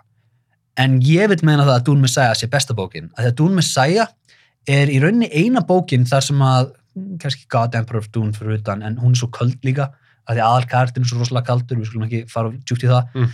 en í Dune Messiah þá gerist allt út af tilfinningunum hjá karakterunum og það er eina bókin þar sem það gerist. Í öllum hinum bókunum þá er þetta karakterin eru svo rosalega kaldir eins og þegar Paul vaknar í fyrstu bókinni fær hérna The Spice Trance og byrjar að sjá framtíðina hérna í, í, í tjaldinu með mömmu sinni. Já. hann allt í hennu bara verður annar karakter og hann er, byrjar að tala eins og vélmenni bara og hann missir alla tilfinningu, hann getur ekki tjáða almennilega lengur, þar sem hann pappi minn er dáinn en ég finn ekkert. Að því að pappans lifir áfram í honum að því að hann vaknar og sér blóðminningarna hjá pappi sinum líka og hann, svona, hann hættir að geta tengst við mannfólkið og það er rosalega mikið þetta er, svona, þetta er, svo, þetta er svo rosalega flókin karakter til þess að gera samúð fyrir Já. en honum teksta svo rosalega vel í Dune Messiah að því að Dune Messiah er öllum að hlutir er að gerast út af því að Paul er með þessar tilfinningar en í hérna upprannlegu Dune þá er þetta rosalega mikið mitt bara svona núna gerist þetta. Og núna gerist þetta því að Frank Herbert vildi skoða þessar hugmyndir. Og sen gerist þetta því að hann vildi skoða þessar hugmyndir. Þannig að þeir geta bara bætt Chani Paul sambandið í hérna Dune part 2 finnst mér. Ok, linsmyndin, mm maður sér á tæknibrellunum svona, ú, það er ekki þakkarlega flott. Nei, Mín spurning til þín, ef hann fengið meiri pening, ok. bara miklu meira budget, heldur hann að það eitthvað miklu betri? Er þetta ekki alltaf mikið að göllum sem að peningar ekkert laga? Jú, þetta er svona þú getur, þú kemst ekki fram í því að helmingurinn af myndinni eru er bara svona myndalinn kjörur á andlutinu á okkur meðan þú heyrir hugsuninu. Þú getur ekki lagað það með peningum. Og ég held þetta sé, þetta er alveg þannig dæma að hún hefði getað litið kannski betur út. Það hefði kannski getað gert hana lengri frá byrjuninni. eins og ormadóttu er hræðilegt. Það er svolítið slæmt. Þú sér líka The Fremen í myndinni. Þetta eru bara einhverju gæjar sem að voru lausir á 50 degi í Breitlandi þegar þetta var tekið. Þess, það er ekkert svona, þú, þú horfir ekki á þess að gæja og hugsa, já þetta er menning. Þetta er fólk sem er með sinna eigin menningu. En hérna, er, þú hefur getað að spiffa það aðeins upp, en ég held að gæðin á myndinni fara á endanum bara niður í að, uh, ég held að handritið svo svolítið veikt og ég held að Lynch sé rángur maður fyrir þetta. Mér finnst líka svo, mér finnst svo gaman oft. Ég, sko, E eða, eða hann, er, hann er réttur maður en myndin er röng fyrir hann. Það sem að ef þú gefur honum dúnmynd að gera þar sem að þetta er meira um epíkina og minna um svona að þurfa líka að græða peningi sinn tilbaka, þá kannski getur hann gert fína mynd. svo eitt fyndi sko, ég, ég pæla nú ekkert svakalega mikið í þessu. Það er gaman svona að horfa á eldri myndir með svona nútíma glerum. Mm -hmm. Þetta er alveg bara fólk. Já. Þetta er fólk sem lifir í eidimörk. Það er endar í bókinni líka Meika það alveg sens, það? Já, sko, hérna, The Fremen koma frá, þetta er blanda af hérna, Zen buddhismi Mm. og Sunni muslimum. Og þetta er sem sagt, þau tala um í ykkur um bókunum hvernig þau gáttu teikt hérna, söguna hjá The Fremen alla leið aftur til Íraks eða Írans, ég man ekki hver er Sunni og hver er Shia. En eins og Chani í bókunum, hún er auðhærð. Já, það. Já, og þú lærir það í þriðu bókinni. Já, það er svona, þetta, þetta er svo kallt, þetta er svo ópersonalegar bækur þetta er svo, þetta er svo karakterinir, er, þetta er svo lítið um þau hérna að þú lærir að hún sé rauðar í held í þriðju bókinni en við þú svo fyndið að horfa, þú veist, það var kannski bara svona eitthvað white skot af fremmen úr lind, lindsmyndinni mm. og þá, veist, það bara hvít, hvít, hvít, Mm. allt hvít fólk. Mér fannst það bara eitthvað svo off með að við, þú veist, maður er að horfa á þetta, þetta landsla og það er sólinn og það er heitarna og eðimörkur. Já. Það sé ekki með, svona kannski aðeins dekkri húð alltaf. Já, hérna, þess vegna finnst mér svo, það finnst mér til dæmis breyting úr Villeneuve myndinni sem er svo rosalega góð er að þú ert með Javier Bardem sem er spænskur en síðan ertu með hérna Jasul eða hvað sem hann heitir Ég held að hann er hann ekki breskur? hann getur held breskur að, hann er svartur. Já, en hann er alveg vel, vel svartur. Zendaya, ég held hún sé held hvít mamma blönd- kannski. blönd- Blöndu, já, ég held. Já, en það er til svona, að því að það fremmin í bókunum er þetta alltaf líst sem, að að þau þurft alltaf að færa sig á milli pláneta, að því að þau myndi fara okkar plánetu og síðan vildi veldið gera eitthvað við þessa plánetu og þá bara tekið þau og hendið á næstu plánetu. Nú eru fremmen ekkert búin að vera alltaf þannig. Nei, nei, nei, nei, nei, þau eru búin að vera þannig í mörg þúsund ár, að því að þegar þau enduðu á Arrakis og það gatingin tekuði burtu þaðan, en þau eru í rauninni bara búin að vera hent frá einni plánuti í aðra og þú færð hugmyndin að þetta er alveg bara svona svona hiskið, þetta er bara fólkið sem enginn vissi hvað átt að gera með Já. og mér finnst meika miklu meira sens að þau eru bara alls konar. Já, ekki bara skjanna hvíta. Nei. Æ, mér varst það bara fyndið. Þú veist, maður horfa, eins og ég, maður horfa á svona eldri myndir. Það er rosalega gaman að horfa á sci-fi myndir frá þessum tíma, þú ser þetta líka í- New Hope rosalega mikið að hvítum gæjum með fárunlegar mottur Já, þetta, er fyndið. Þetta er svona, batsins tíma. Mér finnst það meika svona meira sens svona með landslæði og svona, og, já. Mm. ok, þannig að við erum saman um kannski að þetta er ekkit vestamyndin. Nei. Ég hafði alveg lúmst gaman að því.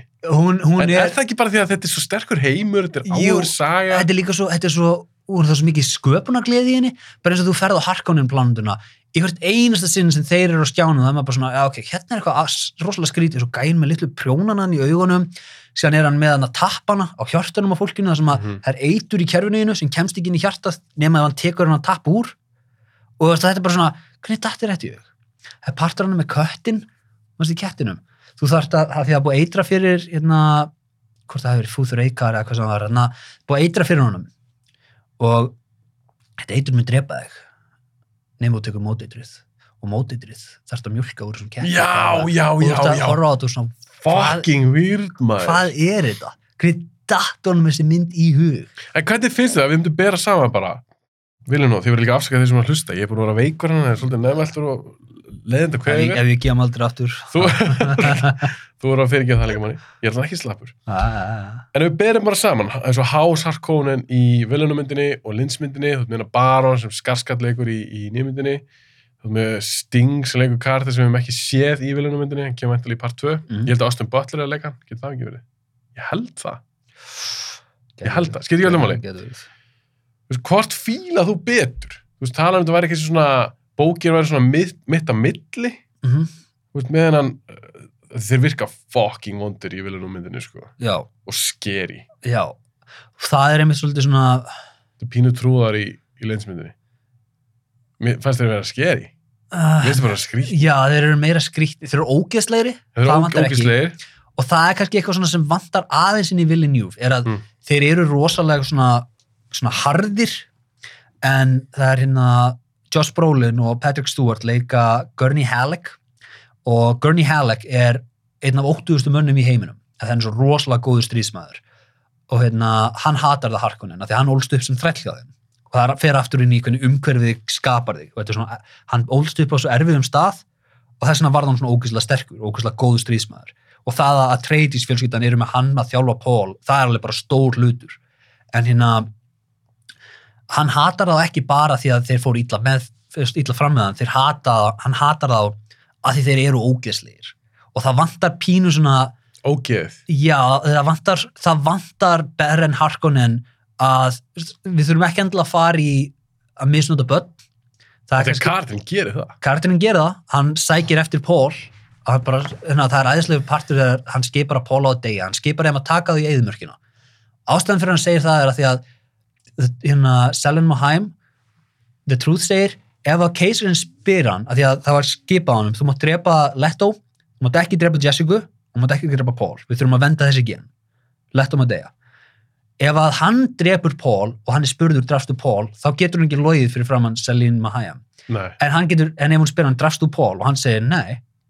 Að því að hann sendur bara í eðmörkina. Það er svona, þú veist, þú ert að nota orðin til þess að komast Það er smá loophole. já, og þetta er, dún er rosalega mikið þar en hérna já, mér finnst vanta aðeins meira svona aðeins minna þeir séu bara illur og harður og aðeins meira þeir séu anstíkilegir og svona, þú veist, auðvelt að hata og þess ógeðslegri, já Þú vil hafa aðeins ógísleri. aðeins meira nasti, já En nú, þú ert bara með þessar tvær útgáður sem mátt velja. Það er Lins Harkonnen eða Villeneuve. vilja nú Já, þetta er svolítið trúðalegt og sjá stingan eitthvað að bera hann ofan ykkur að þetta er sting. já, en það, það er einmitt partur sem að þú sér það berinn, hann er alveg að horfa á stingana ágirnist hann alveg augljóslega og maður er svona, ok þetta er réttara með að við hvernig þetta er í bókinni en þetta er bara svo silly Já, líka bara ef þú tekur allt svona og svona í linsmyndinni, þetta var allt svona grænt eitthvað herbyggin hjá. þetta er svona Já, mér finnst þetta flottara í Villeneuve myndinni. ég, held að Villeneuve myndin gerir allt betur en Linds myndin er rosalega áhugaverð er þess, ég held hún sé þess virði að horfa á hann allan einu sinni bara svo, svona, svo vitir hvað þeir voru að gera Mér fannst svona áhugaverð, hvert fólk til að tjekka á henni, maður skal líka geta borað svolítið saman við Villeneuve útgáfuna. Mm. Toto gerði soundtrackið hann, fínt soundtrack Já, og svona, r- alveg svona rock tónlist í bakgrunum með þeir eru á ormunum og svona, þetta er ekki alveg það sem ég, að bjóst ég við. kemst bara ekki yfir mununum ef við tökum bara New Hope, Star Wars, bara fyrst Star Wars. sem kom fyrir Lindstún sem kom fyrir Lindstone, þetta er bara svo miklu betri mynd. Já. að því líka Lukas tók sem ekki út í hún það það er svona sorglegt að sjá hvað þetta er svo svakalega gæða munur. Já, en, en þetta er líka hérna þú er náttúrulega með Ben Kenobi í Star Wars og hann er svona the mentor character. Mm -hmm. og þetta er náttúrulega the hero's journey Star Wars kortleikur sér rosalega vel á það. Selen Mahayam er skrítin nána sálarlaus klikkuð ill kona sem er reyna að stjórna fólki úr framtíðinni. Hún er mentor karakterinn Pauls. Þú, þú, þetta er svo mikið, mikið flóknara efni að adapta en það er rosalega leðilegt að þeir skul ekki hafa náð betur. Já, allavega svona, já, þokkalega betur. Ok, þeir gera þessa Dune mynd 84 mm. er það ekki rétt sem að það kemur ekkert annað leikið efni um Dune fyrir en bara seria Jú. þannig að hún er frá 2000 eða maður rétt það gerir sci-fi eitthvað svona míniserju sem heitir bara Frank Herbert's Dune ég horfði á trailerin ok á YouTube fyrir þennan þátt, ég er búin að sjá seríuna þetta lúkar ræðilegt sko. Þetta áðist að vera besta adaptationið. já, við tökum bara upp á handrit og eitthvað svona, ég get alveg trú á því en útlistlega, Já, meina þannig. þetta er röff Þetta er náttúrulega frá 2000. En já, já. en fucking fellowship, ég veit að það er bíómynd en þú veist, 2001 skilur það er eitthvað frá 2000 sem er, flott, 2000 sem er flottara X-Files eru 90s þættir já, þeir eru flottar en fucking Dune sjónasirjan með Ég- hana trailer sér sá já. hefur já, þú eitthvað já. séð þess að þætti? Eina sem ég hef séð er eitthvað svona stutt myndböndum fólk talandi um það og þau segja öllum eitt mjög svipað hluti bara ég veit þetta lítur ykkur út en þetta eru rosalega góði þættir. Sama með Children of Dune, þeir eiga vist líka að vera mjög góðir. Já, þeir gerðu neitt, hvað, tvær serjur? Sci-fi? Mm. Children of Dune, er það þá eftir hvaða bók? Það, hún er eftir Children of Dune og það er rosalega spes að því að Við númum hvað er hún? hún er nummið þrjú.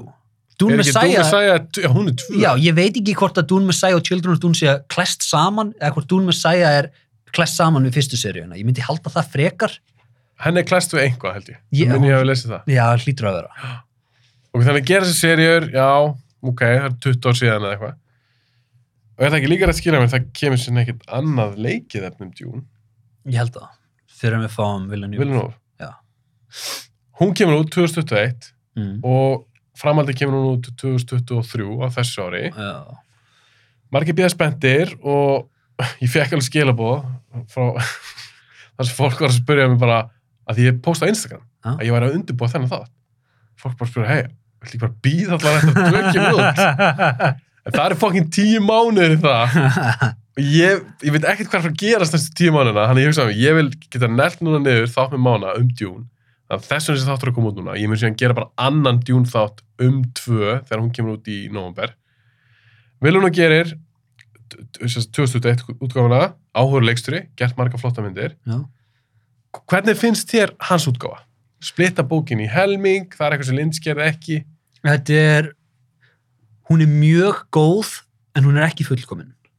ok, Hérna, skilur að hæpið, mér finnst hún geggul, mér finnst hún, segi, mér finnst hún góð en þetta er svona eins og, verður tvö betri, hún gæti vera, að því að, hefur hún burði í það á þess að spoila, þú veist alltaf söguna hefur hún burði í það að vera betri en fyrsta? já, að því að, til að byrja með, uh, mér finnst hann Timothy Chalamet vera mjög rangur fyrir karakterinn, Akkur, að því að Paul þú vilt fá eitthvað sem er þú myndir ekki fylgja Timothy Chalamet í baráttu. Paul hefur alveg þetta svona gravitas leiðtoga Já. já, ég skilji, það vantar það í hann en að því að er hann svolítið krakkalögur pínu, ég held þessi meira bara hann hans, hann vera, hvað hann að mástu það? í bókin held ég hans ég segi 15 eða 17 í myndina á hann örgulega vera 20 ára. Já, en hérna og ég, meina það má alveg breyta þessu. Ég meina hann hérna hann hérna uh, uh, uh, vinnur okkar hann hérna. James, James McAvoy í Children of Dune ah. karakterinn sem hann leikur hann er 21 James McAvoy, ja, James McAvoy er aðalpersonan í Children of Dune þáttunum. Ég veist það ekki. Uh, hann er hérna hann er alveg 26 ára minnstakosti það ár. Karakterinn sem hann leikur held ég að sé 8 ára í bókinni það er svona, auðvitað þarft að breyta því en finnst þess að ég tjekka það, því mér varst Kyle McLachlan vera svo mér varst að vera eitthvað svo kallanlegur í Ég hugsaði með, vá, djúli Pól eitthvað gamall. Herðu, ég tjekka á þessu.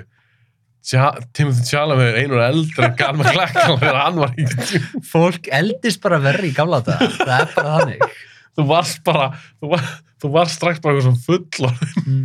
ég held það líka að sé eitt af hlutunum er að Timothy Chalamet, ég myndi trúa því að hans er sonur hennar uh, Rebecca Ferguson Mm. ég trú ekki hans er sonur hans Oscar Isaacs ungur Oscar Isaacs hefði verið ógeðslega góður Pól Hvað vantar? Er eitthvað svona gravitas? Eitthvað, það, fengt? já, hann vantar hann vantar svona the it, hann vantar að vera aðeins meira svona gaur, aðeins svona ákveðnari í hlutunum sem hann gerir Að þið Timothy er góði leikari? góður leikari og þessna, þessna held ég að hann gætur þið betri í næstu mynd að því að Paul í setni pörtunum á bókinni Að þessu spóla. á þess að spoila, hann er mikið meira svona vélmenni, hann er aðeins svona á aðeins erfiðara með að tengja með mannfólkið. Ég held að Timothy Chalamet getur gert miklu meira með því en hann gætt gert með ég þarf að vera saklaus strákur logi gengengill þar til að fjölskyldum minni slátrað. Ég held að það sé aðeins svona meira sem hann getur gert með það. Þannig að ég held að það mun ekki vanta. Uh, ég hefði, eins og ég ég hefði viljað fá einhvern annan en fýtleikari, ég vona hann hérna, ég vona að við fáum eitthvað gott frá hann En þessi aðlugun, bara viljun á myndin. Já. Er það góð aðlugun á bókinni? Eða fyrir hefningin á bókinni? Er það gott adaptation? Er, þú segir þessi góð, þannig að þið finnst það ekki fullkomin. hún er Hvar, hvar klikkað? hún er mjög, mjög góð það eru um, eins og ef þú horfir á Lord of the Rings myndirnar, svo það eru æðislar og síðan ferður svona, ok, veistu, mér langar að skoða hann hugar heima þess meira, ég ætla að lesa bækurnar Mm. og lest tólkin það er ástæði fyrir því að svona margir sem gerir þetta líta síðan tilbaka á myndirnar svona aðeins svona, ó. Að því að það er svo, hugarheimunum sem tólkin er að leika sig með er svo mikið stærri en það sem er í myndunum. Og hann er svo mikið dýpri en það sem þú færðu myndunum. En er það ekki bara það sem fylgir í að gera bíómynd eftir bók? Jú, en hérna á, á sama tíma þá ertu að því þú ert dottinn þetta djúft inn í þetta þá hugsaðu ég hef viljað fá þetta, ég hef viljað fá þetta, ég hef viljað fá þetta og það er svo mikið af svona dóti í myndinni sem að vantar eins og bara þetta samband mannfólksins við umhverfið sitt það er hérna uh, uh, uh, Kynes hérna konan sem að kennir þeim á The Still Suits og svona Já, er þetta ekki kall í bókinni? þetta er kall í bókinni, þetta er pappinar Chani Já, einmitt, einmitt. Já. En ég held að það er að mammina Tjani í... já, örugla Ég held, það, ég held að Vilhelm hafa sagt það að hann breytti því ekki, sko. Örgulega, þetta er hérna allan, þú veist, það mun ekki breyta neinu hvort þessi kallaði kona haldandi áfram en hérna, þetta er sem sagt Pappi Kynes í bókinni var hérna svona terraforming expert og hann var með þessi stóru plönum að breyta Arrakis í hérna græna plánetu. Mm. og, og og Kynes er með þessi plön líka. Og hérna, þú horfur á myndina og ég ætla ekki að spóla meira með Kynes, sagan hjá Kynes heldur áfram næsta bókum en Kynes er dáinn samt en hérna, skulum ekki, við skulum ekki spóla því. Nei. en hérna í myndinni þá deyr Kynes við að reyna að flýja og síðan er gert árás á Kynes og Kynes gerir þarna ber, ber sandinn til að láta jarðorminn geta sig og Já, fólkið, Já, flott aðri en í bókinni þá gerist þetta ekki, það sem gerist er að Kynes endar á að vera lappandandum í eðimörkinni og er að sjá þessar sjónkörjungar, bara af pappæsinum talandi við sig um hvernig þeir ætla að breyta plánutinu og hvernig þeir, just, þeir hérna, vita svo mikið og hvernig þeir geta gert svo mikið og hvernig þeir geta aðlagað plánutinu af sínum vilja. Og á sama tíma er Kynes veist, hann, er hann, er, hann er búin að kaupa hann er að kaupa þetta, hann er að tala við pappæsin um þetta í svo jákvæður. Og á sama tíma er hann lappand um bara og plánutan er að drepa hann. Og er rækamar fljúand um og hann er að stok, stokna niður þarna, storkna niður já, bara úr þurki og þetta, þetta, veist, þetta er það sem vantar eiginlega í myndina er að fleiri, bara aðeins meira svona, hei, hérna eru hugmyndunar í dún bókinni. Skulum aðeins svona m- malla þetta niður. Aðeins svona malli yfir þessu aðeins hugsa aðeins meira um þetta, af því að það er engin ástæða fyrir því að þetta gati ekki hafa verið dauða atrið þjá Kæns þetta atrið tekur ekki það mikið meiri tíma en það sem við fengum.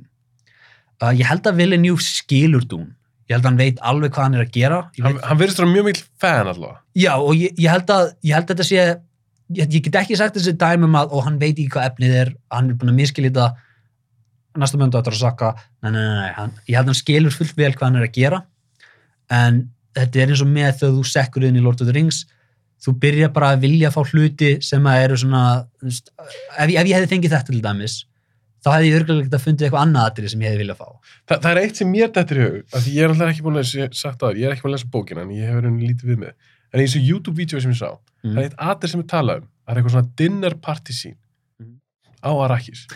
já, með vatninu En það sem að er bóðið henni, á meðal annars, að það er bóðið eins og ég skilda, það er bóðið fullt af fólki, eða svona helsta liðinu sem býr á Arrakis, eitthvað svona dinner party, já, þegar að, að treytis fjölskyldin kemur.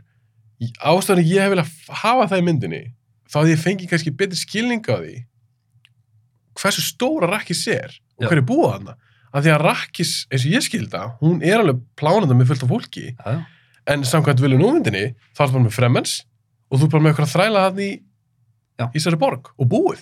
og það er Það er ekki rétt. Nei, og það er, það er hérna annað atri í þessu dinner, hérna, annað sem gerist í þessu dinneratri er að hann hérna Leto var alltaf í gamla, á þegar Har- The Harkonnen voru með plánunduna, þá myndu þeir alltaf hella hérna vatni. Og þeir voru að vökva þessi blómanna og hann sagði, á þetta er sóun á vatni. En hérna og hann, hann, hann er að mála sjálfan sig upp sem svona betri útgafu af leiðtóa hérna, hann er að reyna að vinna trösti þjá öllum, að hann er að reyna að fá þetta desert power til að geta nota ekki keisunanum Mm -hmm.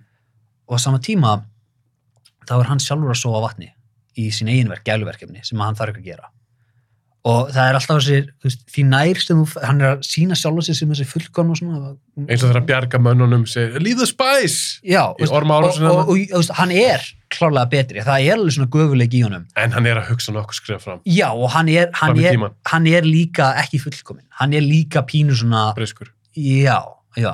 Og það er svolítið, hann hérna, hann hérna, Oscar Isaacs, hann er eiginlega bara að leika góðan gæja. Já, algjörlega, algjörlega. Sem er ekki, það er ekki slæmt, en ég hefði viljað fá þú aðeins nær hérna bókinni. En þú veist, ég nefndi bara þetta, þetta matabóða því að eins og þetta er útskipt hann í þessu YouTube-vídeói, Mm þá fannst mér þetta alveg mega sens, en þá finnst þú kannski en svona meiri tilfinningu, betri tilfinningu fyrir því hvernig Arrakis er. Þetta er ekkit bara einhverjir fremmens í einhverjum hellum. Þú þetta er alveg fólk sem býr Já. hana. Og það er einmitt annað sem að kannski vantar er að hérna, þú sérð ekkert tjóm almennilega, þú sérð ekki keisaran, þú færð, þú færð svona að sjá pínu af The Harkonnen, þú færð að sjá hérna, röttina hjá keisaranum, en það vantar, þú sérð ekki eins og The Space Navigators í þessari mynd. Nei, það er bara baka einhvern hjálm. Já, það vantar aðeins svona stærri, Betra world building. já, Að Einhver, nei, einhver, einhver leiti. já, já meina, og, og við komum örgulega til með að fá það í næstu mynd það þú getur, ekki, þú getur ekki klárað þessa sögu alveg að fara mikið dýbra inn í restina af heiminum það sem ég er að velta fyrir mér, að því að ólíkt það sem Peter Jackson gerum Lord of the Rings, þá er henni, hann var með, jú, hann er að gera Lord of the Rings, en það voru þessar þrjár í henni bækur, Fellowship, Two Towers og Return of the King. Og hann auðvitað bara, hei, það make a sense að gera þrjármyndir. Já. Það endaði að ve- ve- vera þannig. En Vilunú er henni með þessa bók, og jú, þú segir að hún sé henni í þrý skipt, en hann ákveður bara, herri, ég er ekkert að setja allt í eina mynd, ég ætla að splitta þessu. Það sem ég er beilið pæla, þó mér að þótt fyrirlítin geða ykkur, ég sagði þetta um til félag minn, ef hann myndi aldrei gera tvö, en við vitum að hann er að fara að gera tvö núna, Já. ef hann myndi aldrei gera tvö, þá myndi þessi mynd bara gleymast. Já, Hún er ekki kláruð. já, Þetta er bara fyrri hluti. Alveg svona hversu góð hún er eða hversu ánátt fólk á með hana, þá er þetta alltaf hálf kláru saga. Ég líka, ef að tvö eru ömuleg, sem ég stór efa, ef hún verður bara ömuleg, paldi því segjum bara að verði alveg glötuð, það dregur alltaf úr þessari fyrstu mynd. já, En ef hún er góð og þú getur sett það saman sem einhverja heild, þá það sem ég er að pæla, mun það kannski, já það, ég held ekki kannski, það mun magna upp líka fyrirlutan. hún geti gert það Þannig að sem heild, það, verður, það getur verið að þú verður ennþá ánæður með fyrirlutan ef að setlutin er ekki ekki. það geti verið, en það er líka því að hérna, eitt sem að fyrirmyndin gerir rosalega vel er einmitt að hún er mjög, mjög, mjög mun aðgengilegri en bækurnar eru nokkuð tímann Hún er nefnilega þokkala aðgengileg. Ég, ég, eins og ég, ég vissi ekki neitt, ég gæti alveg sokk inn í hana, mest áhöru heimur. Þannig að, það er nefnilega svolítið sem vantar inn í dún bækurnar er að þess, tolkien, það er oft talað um að Lord of the Rings bækurnar eða of miklum tíma í að útskýra hvernig hurðahútnin á þessari hurð lítur út og hvar þessi grein kom frá þessum skói Frank Herbert gerir ekkert að því. Eins og ég segi, þú lærir að Chani er rauðarð í þriðju bókinni. Er hann góðu penni? já, en hann er ekki góður hann er góður í í, í, í, sínu hotni hann er ekki góður í að byggja hennan stóra hugarheim.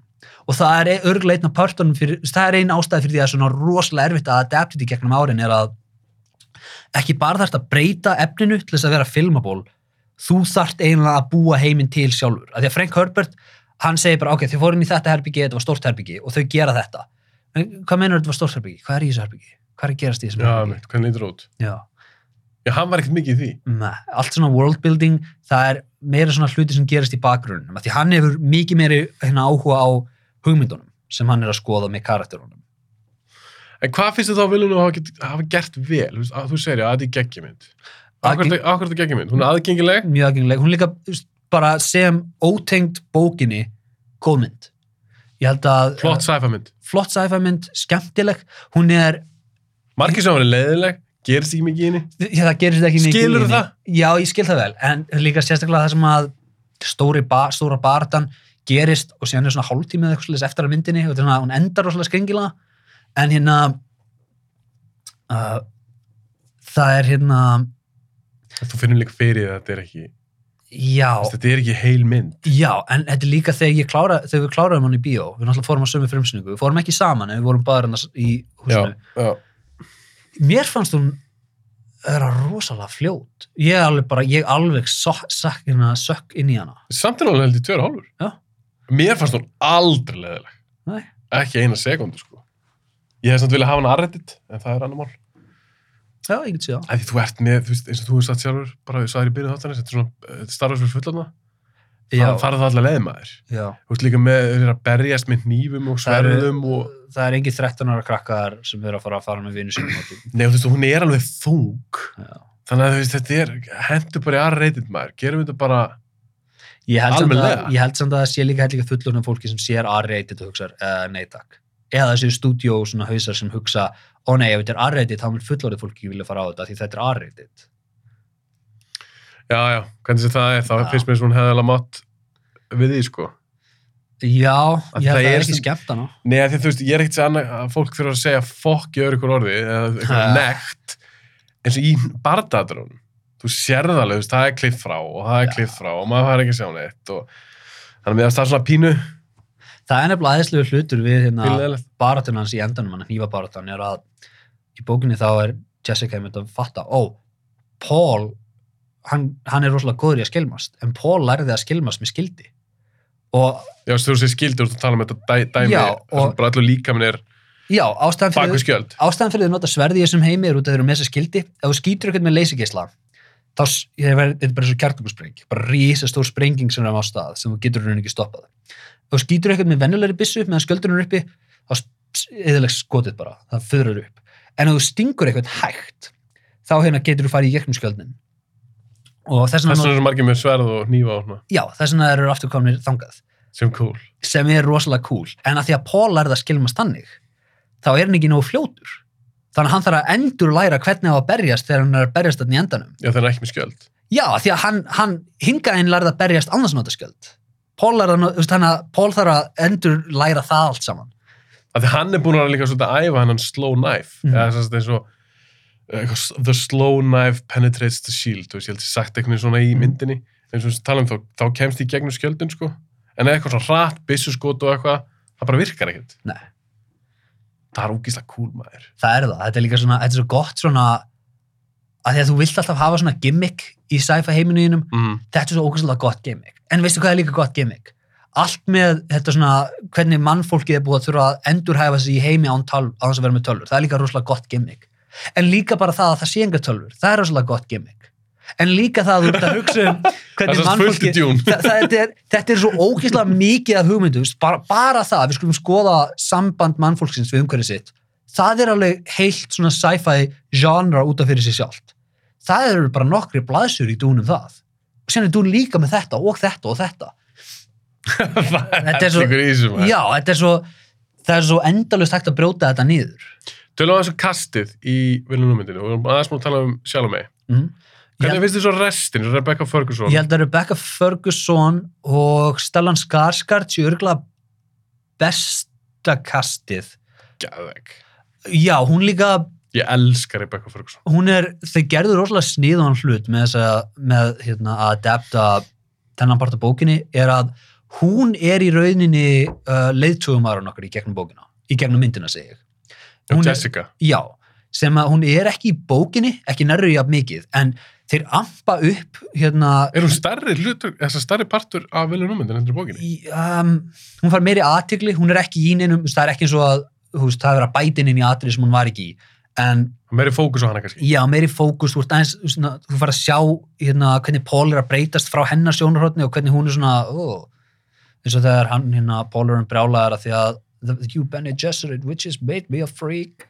Ok, rólegur, Mm. þú ert ert tvítur ég skil þetta að þú ert 13 ára en þú ert tvítur og að, hérna sem er líka svo spes þú horfir á Hayden Christensen í Attack of the Clones hann er með eitthvað svona gelgjukast en gæin er alveg 20 og eitthvað ára gama það er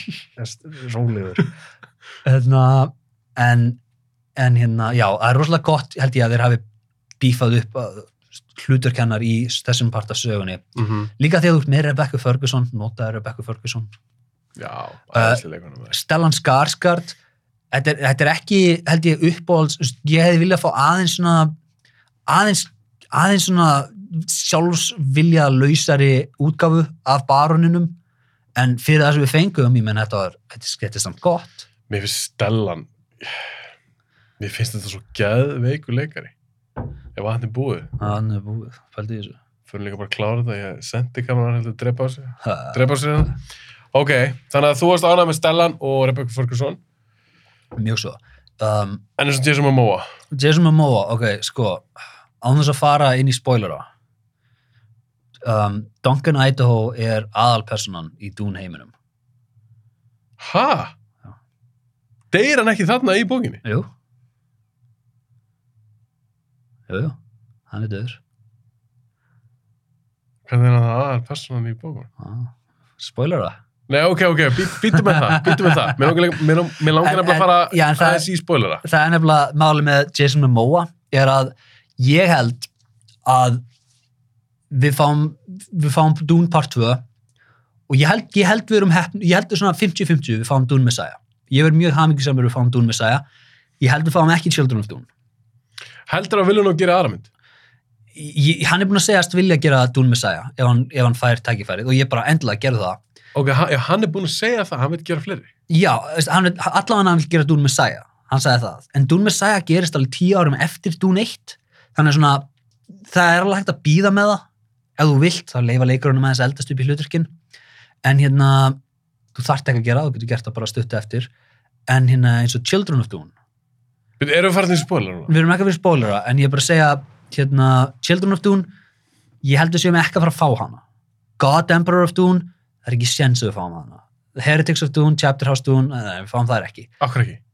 það eru skrítnar, það eru þess að fara í spoilera í hérna Heretics of Dune þú það eru, hún gerist 5000 árum eftir fyrstu bókina.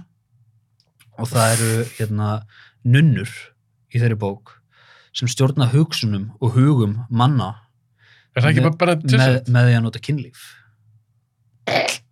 Ok, hún þurftur að ræðið. hún þyrfti að vera aðreitið. En það ertu líka hérna hún er, er verða skrýtnari og skrýtnari en á sama tíma þingri og þingri þannig að ég held að sko, þú, þú, þú getur kannski farið upp í God Emperor of Dune eða það er nógu mikil svona aðtikli og vilji fyrir það. Þú getur ekki haldið áhrum að gera þér samt eftir það. Þetta er svona, þannig að eins og ég segi, Duncan Idaho spoilerlaust, hann er aðalpersonan í öllum þessum bókum en að því að við erum ekki að fara að fá mikið fleiri myndir he- held ég alveg örgla, þá held ég að þetta characterization á honum sé bara mjög fínt. Bara svona, já, hann er vinalegur, bara svona eins og stóri bróður hans Pauls, bara já, það er nógu gott. Ok, en segðu Þetta er svona, þetta er smá spoiler. Gurney Halleck, Mm. sem brólinleikur, Mm. hann kemur meira. já, já, Ok, já. Ok, eins ég vildi, vildi fá að veita núna. hann er, hann er líka góður sem smjör mér finnst hann vera ro- rosalega skemmtilegur hérna, sérstaklega á móti Oscar Isaacs eins og þegar hann, oh, I am smiling í brandar í heiminum en þetta er svona, uh, þetta er skemmtilegt dynamic ég gaf hann að þeim töf saman Ég er alltaf báðið geggja leikarar. Ég er líka einhvern veginn, ég er að kaupa frekar brólinn sem þessi Gurney, já, en Patrick Stewart frekar en Patrick Stewart og þessi frábær leikar líka. Ok, mér langar aðeins að fara, af því við erum búin að covera núna nokkurn veginn þetta Dune Dot sem er komið út og svona. Mér langar aðeins að spyrja nú, ég þarf að setja núna strax bara. Já. Af því ég mun tímast, ég timestamp alla mínu þetta á YouTube, þannig að ef að þú ert að hlusta á hana þátt og er bara, ah, hvað er þetta langt, spoiler spjall, tjekka bara YouTube, þá getur séð þetta, ég nenni ekki að setja timestampana líka á Spotify, Nei, ég nenni ekki að hafa hann runa texta í lýsingunum þáttunum. Spoilerar núna. Ok, þetta eru spoilerar, mögulegi spoilerar fyrir part 2 ok. Og þú ert alveg opinn fyrir spoiler ég er opið fyrir spoilerum, ég er búin að aðeins kynna mér þetta á, á Wikipedia og annars lesum við tilmynda, ok, ég veit ekki alveg allt og þú þarf ekki endilega að segja mér allt en ég er með nok nokkra svona spurningar. Þannig ég vil bara segja núna strax spoilerar. Ok. Í part 2 veist, er það bara það sem ég er að pæla og ef ég meða við þessi sá í lindsmyndinni? Og ég, er svona, ég, ég pínu stressaður. Verður þetta bara svolítið svona, svona síðasta hobbitmyndin sem var alveg bara þrýr tímar af barda nei. Hérna, þetta er síð, lokin á, nei, á hérna, lindsmyndinni var rosa mikið bara eitthvað ég er búin að vera núna með ykkur mörg ár berjumst og þau já. og sprengingar og skilur, ég meina ekki part 2 bara eitthvað niður þannig? Ég held að í part 2 það er náttúrulega bara átt í endunum en hérna, sem er bara gott að blessað en hérna, ég held að part 2 af myndinni verður mikið meira Paul með The Fremen að læra þeirra menningu að hérna, eins og þegar hann hérna fer á ormin þetta tekur hann alveg svolítið tíma að læra að gera þetta. Og hérna hvernig hann svona klifrar upp í það ranks hjá þeim, hvernig hann vingast við þau og hvernig hann lærir að leiða þau. Ég held að að fá alveg svolítið pínu af því ég held líka við séum að fara að fá meira af tjón-pólitíkinni. Við náttúrulega erum komin með Christopher Walken sem keisaran og keisarinn þarf að koma fram og það er verður held ég mikið skemmtilegra að fá að sjá aðeins meira bak við svona senuna hvernig heimurinn virkar. Ég væri til í það. Já. síðan erum við með Faith Rækar, eða Rákar hérna, sem stinglegi í lindsmyndinni já, hann hérna, og The Baron, þeir eru með sögu sem gerist eftir á þar sem að þeir eru ennþá í pínu svona valdatabli á bakvið tjöldin af því að það náttúrulega- eftir að koma ennur sem við eigum eftir að sjá sem við höfum eftir að sjá, já. Já. Og hérna, þeir, hérna, The Baron Harkonnen með sín eigin plön við keisaran og hann er með svona, sín eigin, svona, hann er með svona meiri matalist fyrir meiri völd. við mögulega sem meira af hásarkónin í Við, tvö þú fara að sjá hellingsmeira af þeim. ok, því mér veist þið geggjari Já. Þú, hérna, já, þeir, The Fremen og House Harkonnen, þeir fara í stríð saman. Og það, er svona sem mót okkur hannum Já, og það er alveg hérna, aðeinslu partur sem er hérna, við erum að drepa, það fremmin er að missa einn hermann fyrir hverja fimm sem þeir drepa af okkur. Og hérna, ég held að sé, hérna, Fúþar, eða hvað sem það er sem er hérna, já, en veistu þeir eru að missa veikustu hermunina sína og þú ert að missa öflugustu hermunina þína þú ert ekki tilbúin í þetta stríð Sérst fremmin eru miklu betri.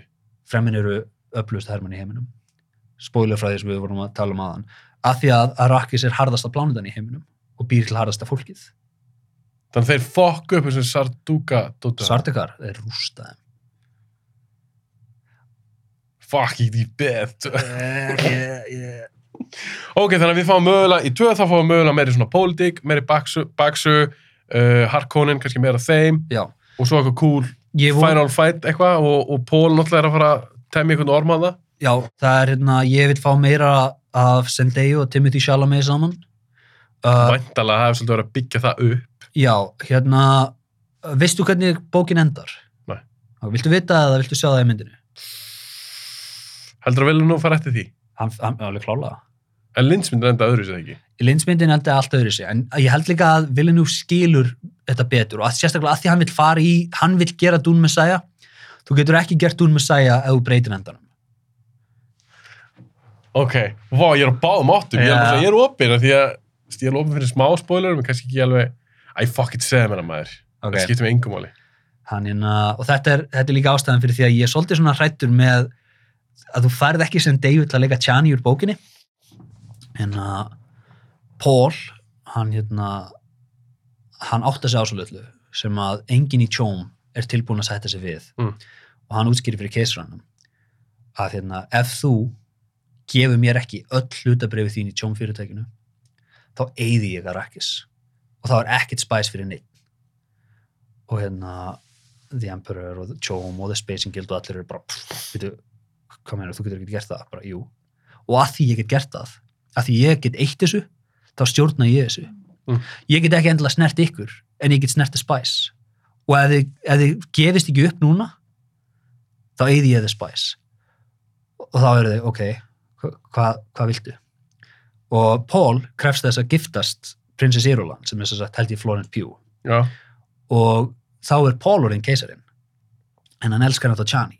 Og það er einmitt stóri parturinn í Dune Messiah er að Dune Messiah er um að hann er giftur Irulan en hann elskar Chani og hérna þetta er ástæðan fyrir því að ég held að þeir munu breyta Chani svolítið er að bókin endar á Chani verandi rosalega pyrruði við því að hérna, hún fær ekki að vera konan hans Pauls, að Irulan er það. Og Jessica útskýrir fyrir henni að hérna, þau fá stærri gjöf en hérna, nokkur önnur í öllum heiminum að við erum ekki eiginkonunar þeirra en sagan þeirra mun muna eftir okkur sem konunum þeirra. Og það er betri örlega en, þú getur, en nokkuð annað í heiminum. Og ég er svona, ég veit ekki alveg hvort það sem dæja myndi skrifa undir að leika þá útgáfa Chani það kemur í ljós, Það kemur í ljós. En enda bóki bara á því þá að, hvað, Páli Keisarinn Pól er orðin keisarinn, mm. Þannig að part 2 af viljum myndinni enda líklegast þannig. Mm. En hvað gerist það á, á, á löngu tíma? Það gerist alltaf bara á einu mánuði. Uh, nei, hann er um, hann er örgulega með það fremmin í alveg fimm árið eitthvað svoleiðis Ok, ok. og síðan tíu árum setna uh, eh, eitthvað í kringum tíu árum setna Það er dún með að segja. já og hérna, mér langar svolítið að spoila henni líka byrjunin á henni, Já, hvað er með það? hún byrjar á því að hérna, Pól er að hugsa að hann getur, hann er búin að vakna Hann Býra getur, það bara á þá? eða? Nei, hvað? já, hann er á hérna, höfuborginni á Arrakis og hérna, hann er búin að vekja allar hérna, minningarna sínar, hann sem sagt man allt sem að hérna, mennirnir í blóðættin hans muna og allt sem að konunar muna og hérna, hann getur líka séð framtíðina og hann sér the golden path sem að mann, mannfólk hjá að vera á Já. og hérna hann sér framtíð þar sem að Chani eignast börn en Chani deyr ef hún eignast börnin. Og Paul vill ekki fara í þá framtíð. Og hérna það er, það er mennskast í hluturinn í þessum bókum er svona, á, já, að, því hann, að því hann elskar hana svona mikið þá er hann að reyna að halda örlunum tilbaka. En þetta jihad sem hann byrjar það er æðislegt í Villeneuve myndinni í tjaldinu, þá, þá er hann að tala um, um, svona, hérna, um að I see, I see soldiers fighting a holy war in my name. Í í bókinni segja þér bara jihad. Okay, þetta er jihad, þetta er allt byggt á hérna, islamskriðum hérna rítum og þetta jihad sem að byrja til að taka yfir hérna heiminum það er sem sagt búið að drepa 61 miljard mann. Miljard mann. Þannig að hann er alveg óumdeilanlega vondigæðin og hann hefur hann, hann hefur enga stjórna hann getur ekki stoppað það. Og hann veit að ef hann reynir það að því hann sér framtíðina, ef hann reynir að sleppa tökunum þá er engin leið til að ná þeim aftur og þá verður þetta mikið verra. Þannig að hann er að reyna að leiða mannkinnið í gegnum rosalega ill og hörð örlög að því að ef hann sleppir tökunum bara í smástund þá verður allt mikið verra. Þannig að hann er hann er, hann er, hann er að reyna að vera góði gæinn en hann getur það ekki, það er engin örlög þar sem hann getur séð þar sem hann fær að vera góði gæinn. Hann er bara döðatömdu til þess að vera vondur. Já, og ef að, ef að hann fer áfram í framtíðina þar sem að hérna, hann bjarga mannfólkinu og hann eignast börni sín, þá deyr konan sem hann elskar. Ok, en eins og God Emperor, það er fjórað bóki? Það er fjóðabókin. Það er væntanlega að tala um hann, eða ekki? Sérst, God Emperor er hann, væntanlega. Paul, Já. viltu spoiler? Já. Nei, það er ekki Paul. Það er sonur Paul, Leto. Er hann öflur en Paul? Að því að hérna, Chani, Já. það er að hún hérna Írulan er að gefa henni uh, ekki, svona, eitthvað svona planned pregnancy, eitthvað svona, eitthvað svona fóstur, pillur, bara til að passa og verður gólétt. Já. hún er að fóður henni því til þess að passa hún verður ekki ólétt og Paul, Paul veit, að, því- veit það og hann leifir það bara því að hann vill ekki að hérna Chani hérna, verður ólétt og eignist börnin vill, vill ekki að hún deyr og hérna til þess að laga þetta og fer Chani, því að Chani vill eignast börn með Paul þá hérna fer hann í eitthvað svona ancient Fremen birthing ritual og hún tekur eins og ógeðslega mikið af the spice. Og þú, þú átt ekki að gera það með þú ert ólétt af því að þá vakna börnin mikið fyrr Mm. en þau eiga, eiga að gera. Og hérna þetta gerir sýstur hans Pauls líka. Hérna er að, og það er að allar minningarnar úr fyrri lífunum hjá hérna að forfæðunum þeirra þau vakna strax. Og þetta getur valdið egodauða í börnunum. Og hérna en, en, börn, já, en hérna börnunars Pauls þau eru nú öflug og þau geta barist gegn því, þetta eru tvíbrar Lói og Leia, hei Já! en hérna, og það er mitt svona en, og Leto, hérna, þar sé hann að berjast gegn pappi á sínum, svartuði en hérna, og Paul Atreides, að já, hann er logi gengigill en hann er líka Anakin En kom þetta allt út fyrir 77? já, já já, já, já, já, já. en hérna Leto, hann sem sagt Paul, hann missir sjónina í endanum á Dune Messiah Mm. það er skorið augun á á og þá getur hann ekki lengur þá er eina, hann getur séð með að sjá framtíðina. En eina framtíðin sem hann getur fyllt er illa framtíðin. Þannig að annarkvort þarftu núna að fylgja þessari framtíð eða þú þarft að lappa í burtu, það er ekkert annað sem þú getur gert. Og hann gerir það, hann lappa bara í burtu og leifir heiminum fara til helvitis Leto gerir það ekki, Leto hann vaknar og hann er með allar minningarnir í pappir sínum líka. Og hann sem sagt ákveður að taka það á sig að taka mannkinnið í framtíðina sem mannfólki á að fara í. Og hann verður the God Emperor of Dune þar sem að ormarnir eru búinir til svona litlum sand trouts Mm. sem eru bara litli svona eila fiskar sem að breyta vatni í sand. Og þegar nógu margir af þessum fiskum koma saman þá breytast þeir og verða ormar. Og hann situr það á húðuna sína og hann breytis í gegnum nokkur þúsund ár í svona orm. Og hann verður harðstjóri af allur, öllum heiminum, illast að vera í heiminum hann lætur mannfólki lifa undir rosalega erfiðum kringumstæðum. Verður hann ormur? já, hann lifir í svona ormi. Ekki svona stór? ekki alveg svona stór, hann er held ég 6 metra langur en veist, hann er bara mennskur veist, hann er bara með mennsku henskunar og mennska hausi sinn en hann er með orm líkama og hérna, Var, er það komið í hvað kjæftæði núna? þe- þetta er Er þetta cool? þetta er, ta- þetta er cool, þetta er talum besta bókin og að því að hann leiðir mannfólki í gegnum erfiðastu stund hérna frá upphafi sem mannfólk getur mögulega upplifað að því hann er að reyna að kenna blóðinu í mannfólkinu af eilifu að endalust komandi áfram er að hérna, þú átt aldrei að treysta leiðtóa bara því að hann er, bara því að þú veist, hann er vinsæll eða neitt svo leiðis og líka að hann er einu ormurinn sem er eftir. Hann einn, ormanir framlega The Spice Melange En byrju, hvað var það með ormana? hann, hann hérna, þeir breyta dún í græna plánutu og þá þeir. Og hérna, hann eitt framlegir The Spice þannig að allt space travel fyrir gegnum hann. Og þegar hann deyr þá hverfur space travel gjörsamlega. Það er planið hans. Og hérna, það sem mun gerast er að heimurinn mun fara í algjör chaos og þetta mun vera erfiðasti tími í heiminum til að vera lifandi en nokkur hundru árum setna þá mun ormandir koma aftur og The Spice, en allir ormandir sem kom aftur munu vera af, afkomendur af hérna, sandtrátinu sem er á húðinu hans Ah. að hann breytist aftur í mann og missir ormana Ah. og þá er partur af honum lifandinn í ormanum og hérna hann kennir mannfólkinu í gegnum The Spice sem að afkomendur hans framleiða að hérna sem sagt bara óttast svona leitóa óttast, að, ó- óttast fólk sem tekur frelsið þitt frá þér.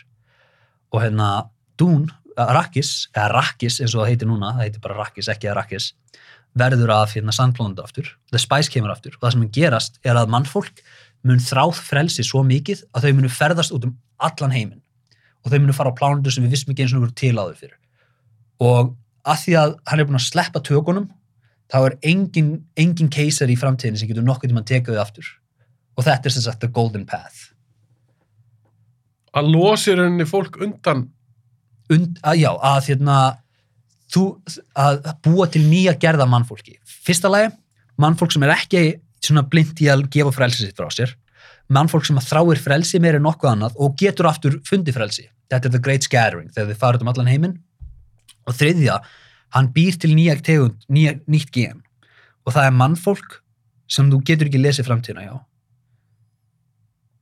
Og- Já, ok. þannig að það er enginn sem getur nokkuð tímann fanga mannfólkið aftur. En ég heldur mun ekki geta gert þessa mynd. Ég heldur munu hætta í Dune Messiah. Heldur að hætti bara þegar sögu Pól líkur já, sko, Paul kemur aftur í Children of Dune. Já, hann deyr ekkit í hann deyr ekki í eðumörkinni, hann kemur aftur. Missir bara sjónina. Já, byrjar að ferðast um eðumörkina því það er svona ancient fremen ritual bara ef þú missir auðin og stjærð ekki þá þarfst að fara út í eðumörkina til Shai Hulud sem eru ormarnir. Og gett fyndið að hérna í setni bókunum sem gerast 5.000 árum setna þá heita ormarnir hérna, Shai Hatan sem er að því að það var Shai Hulud þá eru þeir séðir sem guðir.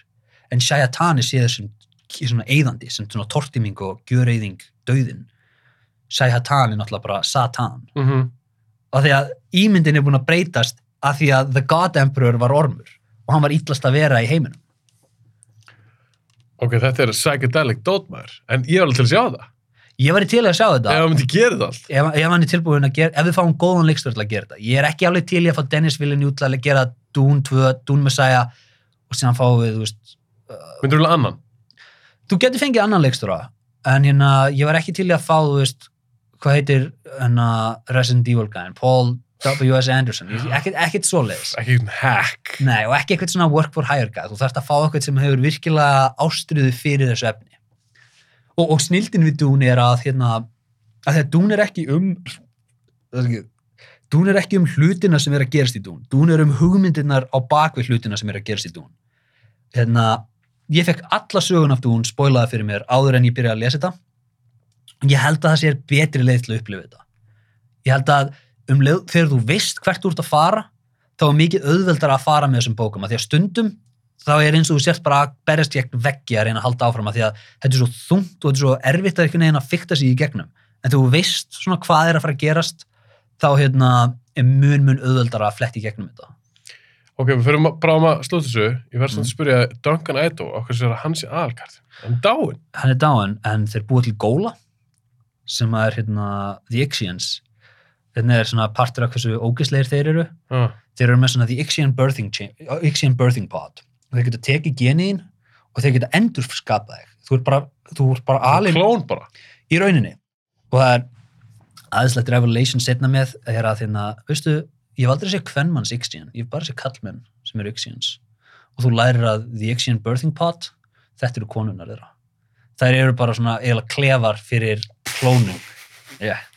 En og hvað, endur gera þér Duncan Idaho? þeir endurgera hann en hann hefur enga minningar en þeir ná að vekja minningarnar hans, eh, hans sína Duncan Idaho's og þá vaknar út af þetta sama blóðið og er með blóðminningakerfið í dún og hérna þá hérna áttar Paul sig á því að og þetta er kannski mikill spoiler fyrir Dún Messiah en planið hjá vondugæðanum í Dún Messiah er að þau vita að Chani muni deyja svo þau gefa Dún góla af Duncan Idaho og þeir leifunum vekja minningarnar hans að þau lofunum að við getum bjargað, við getum gefið þér klóna konunniðinni sem við getum vakið minningarnar hjá en þú þarf ekki að gefa okkur öll tjón hlutabrefið þín.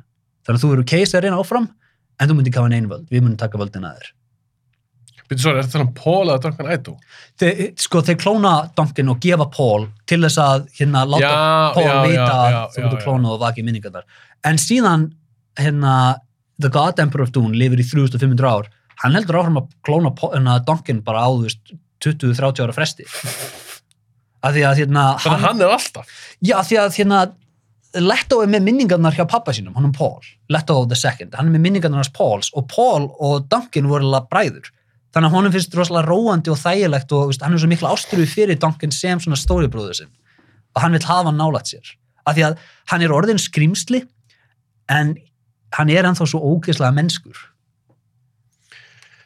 Ok, við getum talað endast um þetta. Þetta er hljómar alveg mjög áhugavert. Það verður Ég- gafan þessu hvað Villu nú gerir. Já, og ég mitt ég væri til í að hann myndi taka bara alla bækurnar en ég stóri ef hann myndi gera það Í lokin, þetta búið að fræðandi, Máni, Mm, og mjög skemmtilegt. mm. Í lokin, Skott, Myndnar- með skott að ég gætt svarað nokkrum spurningum svo- hvað svara þetta spurningunum?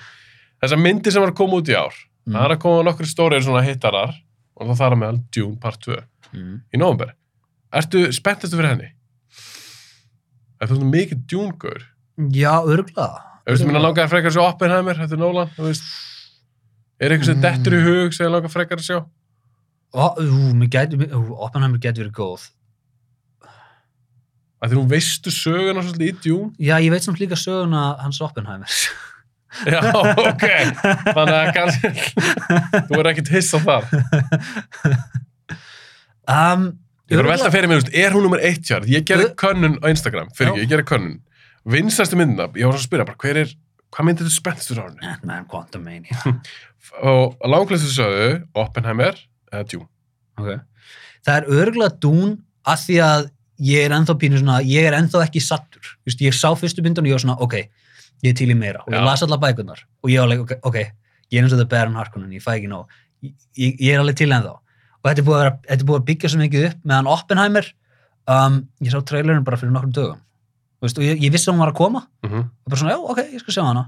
En ég er ekki búin að býða eftir henni svona, já, spenntur og ég er búin að gera með dún Nei, ég, Dune er, ég er þetta svo mikið John Wick maður, ég er svona actiongur, Já. það er alltaf komað fjögur núna.